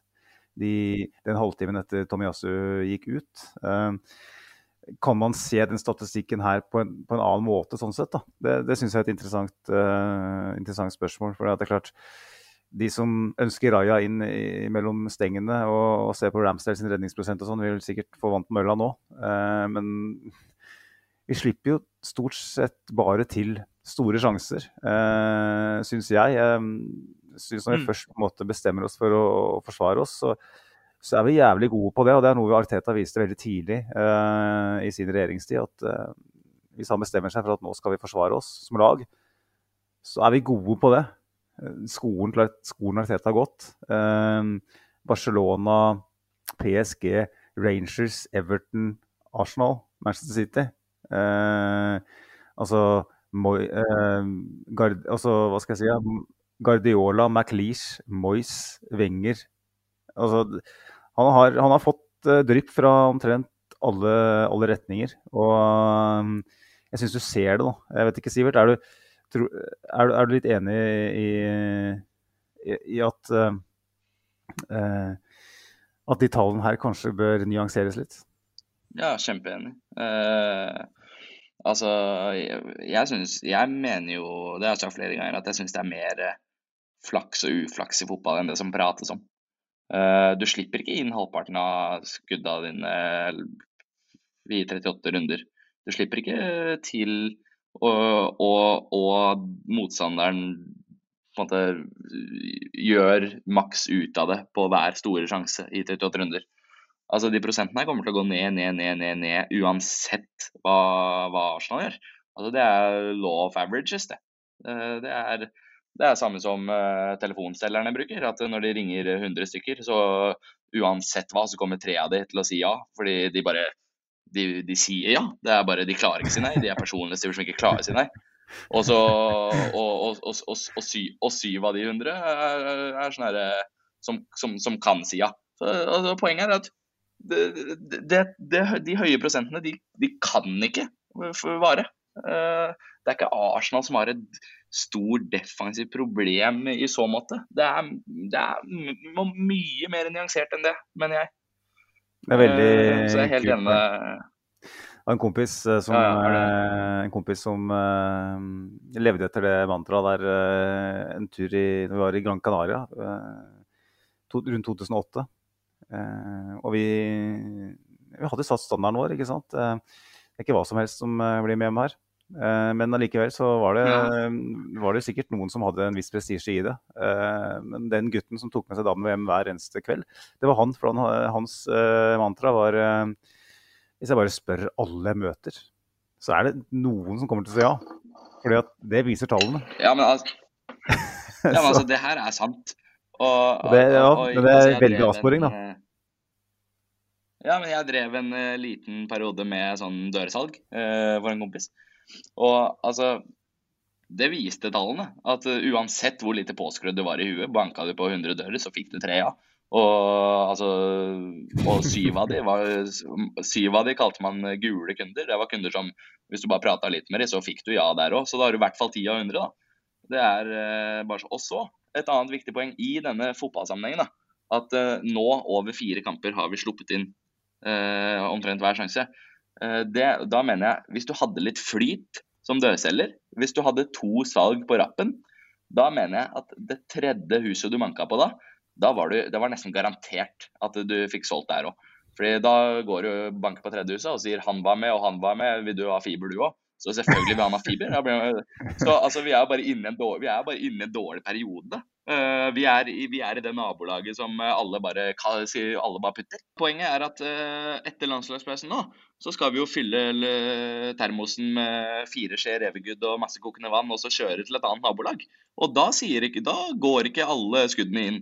For da er, da er det law of averages som kicker inn her. Vi skal jo ikke slippe inn annethvert skudd hele sesongen. Vi skal jo til nye nabolag og banke på nye dører. Så dette går helt fint, gutta. Når Sivert var dørselger og, og solgte, solgte fiber til Ødegård. Ja, det, jeg, det gjorde jeg ikke, men jeg solgte faktisk til han Kjartan Lauritzen. Han uh, bergenseren. Eh, Ja, så han, han, eh, han, var en grønn, han, var en, han var en grønn kunde, for å si det sånn. Eh, det er kanskje konfidensielt, samme det, det er forelda. Ja. Sivert var litt for grønn i, i salgsbransjen. Ja, kall det gjerne det. Eh, og så ble det mye prat om uh, Bare siden vi er på avsporingene, så må jeg bare ta alle på en gang. Det ble så mye prat om Det ble så mye prat om brudd her, og vi har en som jobber i gruve midt i landet. Eh, umulig å komme til nærmeste kyst. Eh, og, og, så jeg må rett og slett, i sammenhengen av å prate om brudd, så må jeg spørre deg, Andreas. Kan du nevne tre ulike bergarter? Det er bruddet her. Det er bruddet. Ja. Altså, du har jo marmor, kvarts og eh, malm, eksempel. Ikke veldig vanskelig. Vi driver dagbrudd òg, vi. Eh, og det er ikke langt til nærmeste kyst, Sivert, for Mo i Rana har kyst. Så det, det er ikke så langt. Nei, jeg, sa, jeg, jeg skulle si at jeg fikk bare med meg bruddstykker av det her, men eh, fortsett. du. Sivert ble brutt der. Altså Det Andreas sa nå, det blir litt som han kompisen min fra Hamar som mener at, uh, som mener at det, er, det, er helt grei, det er helt greit å ha båt i Hamar. Fordi de har jo Mjøsa. Han kaller Mjøsa for hav. Det syns jeg er helt sykt. Det er jo ferskvann. Kjære, Sivert, se på et kart. Der er, der er Ran, Ranfjorden er saltvann, det. Så um, det er, vi, jeg bor der det er smalest kyst i hele Norge omtrent, så um, det er ikke langt til kysten. Jeg er fra kysten. Men uh, fotball, uh, fotball, folkens. eh, er det noe vi, vi brenner inne med her? Eh, det er det helt sikkert. Men eh, Jeg tenker jo eksempel den statistikken med at vi, vi slipper til åtte og slipper inn på fire. Eh, Du kan òg se det som at vi har et snitt på to skudd på mål per kamp imot. Det er ikke krise, det. Nei, det har vi for så vidt allerede. Er mye bedre vinkling. Mye bedre vinkling. Og så er det, som dere sier, store sjanser. Altså, Avoni er vel alene med keeper. Og så er det det ene Altså, målet vi slipper inn forrige kamp, er jo Det er et sleivskudd som går inn i andre hjørne. Det er Ramsdale forventa. Så eh, som Sivert sier, flyt er viktig. Ja, ja. Og det, det er vel egentlig det vi har sagt. Og Ja. um, eh, Jeg vet ikke hva vi skal eh, hoppe videre på. Er det fortsatt eh, kattepasser, Sivert? Eh, faktisk, eh, Lucy er et par dager hos eh, eieren sin nå, men hun kommer tilbake i slutten av september, og da skal hun være her i to uker. Så jeg, altså jeg driver jo og tar dobbel dose Aerius om dagen, bare for å gjøre meg klar til neste runde med Lucy, for jeg er jo dødsallergisk for den jævla ragdoll-katta. Og, jeg, og helt ærlig, jeg syns katter er søte, ass, men hun mjauer så jævlig midt på natta. Klorer på dører og alt mulig. Jeg får jo ikke sove mer enn halvminutt av gangen. Så jeg tror at i september, hvis hun eh, fortsetter i samme lynne, så tror jeg jeg skal ta med lille Lucy ned på Bislett altså, og lage kebab av henne. Oi, oi, oi. Er det altså Altså, jeg, jeg, jeg, jeg syns katt smaker bedre enn eh, sau i kebab, men det er en annen sak. Jeg vil bare si at nordlendingen i, i panelet støtter ikke de søringene sitt uh, dyresyn. Det er ikke så mye villrein oppi her, nede her, Andreas. Men eh, hvor, hvordan eh, Altså, hvorfor passer du på en Holmenkollen-katt, Sivert? Det har jeg lurt på hele uka. Du sa at du Ja. måtte nesten vente med å dele den eh, konfektbiten der. Det, Nei, det er ikke noe konfektbit eh, som sådan. Altså, det er Jeg kødda med kompisen min, han jeg bor med, og sa at katt hadde vært, hadde vært litt søtt å ha i leiligheten. Fordi at det kom opp noen sånn kattevideoer, sånn reels på Instagram, og så var jeg sånn Katt hadde vært fett. Og så la jeg fra meg det, da. Og dagen etterpå så hadde han prata med en på jobben da, som hadde en ragdoll-katt. Uh, og hun er mye på reisefot. Uh, to pluss to er fire, og så våkna jeg opp, og så sto han bare med katta i stua. Han tok meg på ordet. altså, Du kan ikke, du kan ikke tro på alt jeg sier. Altså, jeg, jeg snakker jo bare tøv. Og det, jo, og, og det verste er at han kompisen min han er jo aldri hjemme. Altså Enten så er han i forelesning eller på jobb, eller så sover han hos dama. Så jeg fikk meg Det var jeg som fikk meg katt! altså, altså, han er, har jo ikke vært hjemme på tre dager. Jeg vet ikke om han fins ennå engang. Og jeg må drive og fylle katteskåler og mate den katta. Og, og, altså, sorry, men jeg har ikke noe Jeg snakker ikke katt. Altså, når jeg, hadde, når jeg fikk kompiser på besøk og skulle ha vorspiel og sånn, så det ble bemerket her eh, forrige uke at eh, eh, drikkevannet til katten var for varmt. Altså, skal jeg drive, skal jeg drive og temperaturmåle drikkevannet til Lucy? Gjør du ikke det? Du skal ikke koke det, i hvert fall. Nei, jeg tenkte at du måtte koke bort noen bakterier. da. Nei, det gjorde jeg ikke. Jeg bare tok på, tok på krana og lot det stå til. Jeg trodde pungen var litt knepen. Altså, da tenker jeg på pengepungen også. Eh, altså, når det kattepasser for noen i Holmenkollen, så kanskje er det godt betalt, tenkte jeg. da. Selv en, en allergiker eh, setter masse sprøyter i ræva bare for å klare Du, å være Magnus, sammen med må, Du må jo skjønne det at han får bare lusilønn for det, den jobben der. da. det, Oh, oh, oh. Ja, ja det, altså det, her, det her må jeg gjerne fortelle dere, gutta. Jeg trodde at jeg skulle få noen kroner for det og litt, eh, litt eh, i hvert fall en god klem og takk for hjelpen. Men nei, jeg fikk en, eh, altså jeg fikk en sånn vent eh, chardonnay fra polet. Uh, altså, det er, det er ikke godt, for å si det sånn. Det- Jeg gikk rett ned til arbeidsgiveren min og sendte den i retur og fikk 250 inn på kortet. Ja. 250 for å drive og være allergisk i to uker og tro at du dreper en katt på eh, skruff nummer fire fresh extra strong. Det er det ikke verdt. Det bare forteller jeg deg. Det ble enda en avsporing, det. Eh, hva har vi glemt, eh, Andreas? Nei, har vi glemt så veldig mye? Altså, overgangsmarkedet er stengt, da, men det har vi prata om i liven vår, sjøl om eh, eh, ikke alle lytterne våre, eh, dessverre pga. litt manglende reklame reklamering og litt sånn, eh, fikk med seg det. Eh, så eh, Jeg tenker jo, øh, hvis jeg får lov å skyte inn, at det er såpass lenge til neste match med tanke på landslagspause og spillere skal spille. Og, så jeg mener at det er ikke vits å se så mye fram mot Everton. øh, og heller på en måte ja, amputere det inn noe. Jonas Lundsvold eh, stiller jo det spørsmålet som er funnet å runde av med, da, gutta. Og det er jo hvor viktig var dette? Ja, det er veldig viktig. Det er en storkamp, det er en eh, gammel rival, det er eh, Altså, det er jo fullt av eh, Nå kommer det narrativet rundt, eh, rundt den kampen her, og, og det er veldig viktig. Eh, ikke minst fordi at City fortsetter å plukke poeng, eh, henger med opp i toppen der. Um, det er kjempeviktig, rett og slett. Du skal vinne kampene på Emirates, og, og sjøl om det er et såkalt storlag som kommer på besøk, så, så skal man skal man ta de poengene, og, og det er kjempeviktig. Så syns jeg òg det er kjempeviktig at vi fortsetter den trenden med at kampen er ikke død før den er død. Uh, vi, vi fortsetter å, å score uh, sjøl på overtid, liksom. Så uh, De snakker om Fergie-time, men eh, snart er det Miquel-time. Det, vi, har, vi har avgjort eh, mye på, på overtid, og det, jeg syns det er kjempeviktig å ta med seg de poengene der. Jeg eh, kan også svare på det spørsmålet. Eh, jeg skrev jo til dere klokken tolv eller noe i dag morges at jeg var jævla nervøs. Eh, altså, jeg gikk rundt med en sånn herre Altså, ja, OK, for å det, for å ta det her. Nå har jeg gått en litt annen vei i mitt eh, utdanningsløp, men det var en periode eh, Og alt det her henger sammen, Magnus. Jeg ser åssen du ser på meg. Alt her henger sammen. Det var en periode jeg skulle bli lærer. eh, hadde det fullt klart. For jeg tenkte jeg liker å prate med folk, og det er decent lønn. Og det er påskeferie, høstferie, vinterferie, sommerferie, inneklemtdager, 17. mai. Altså, det var det jeg skulle bli. Problemet er at du må ta fire i matte.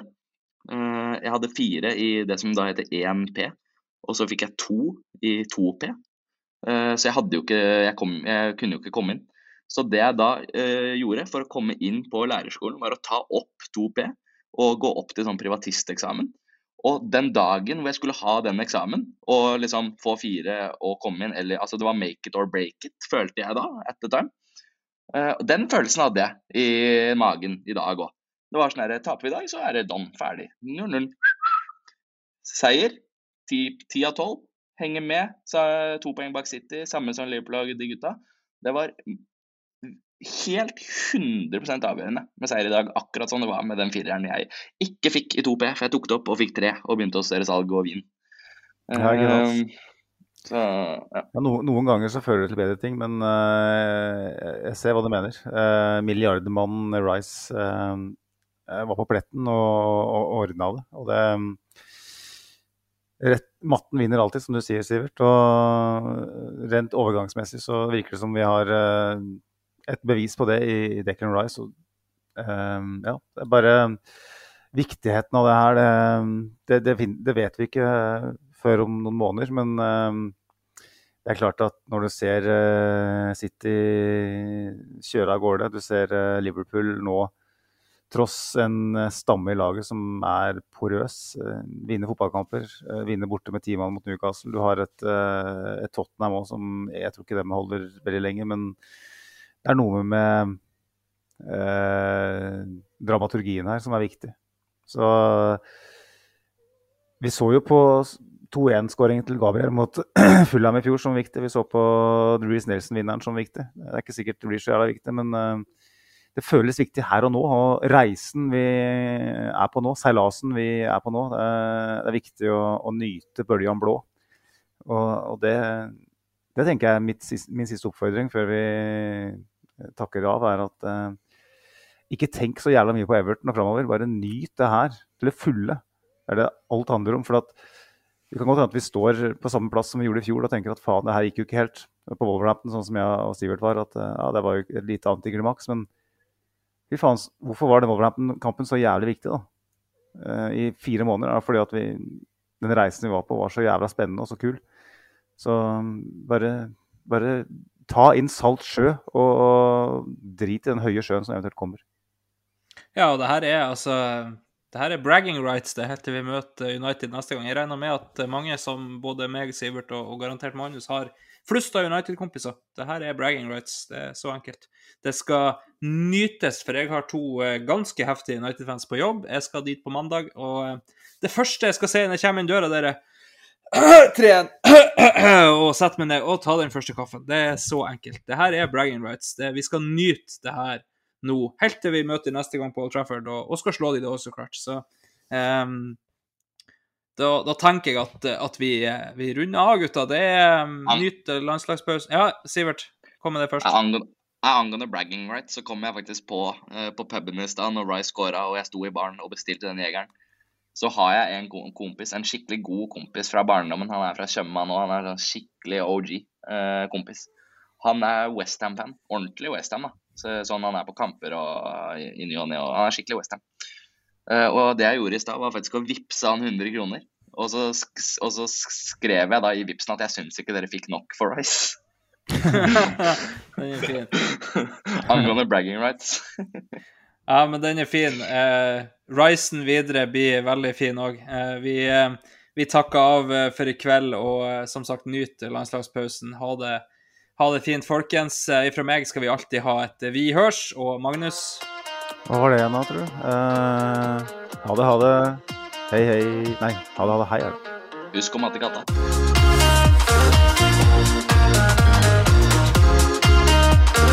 This train terminates here.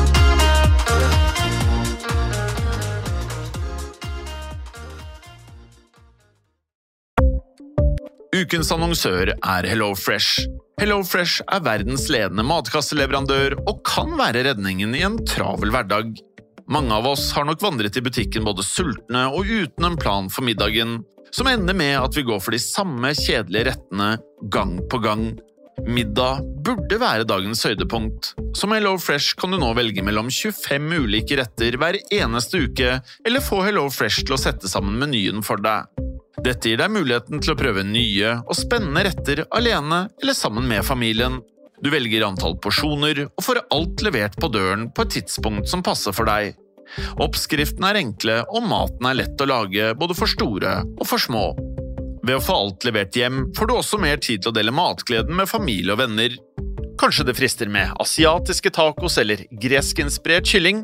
Da kan jeg anbefale deg om å gå inn på hellofresh.no. Her kan du bruke koden FOTBALL og få opptil 1779 kroner i rabatt på de første fem matkastene hvis du ikke har prøvd Hello Fresh tidligere.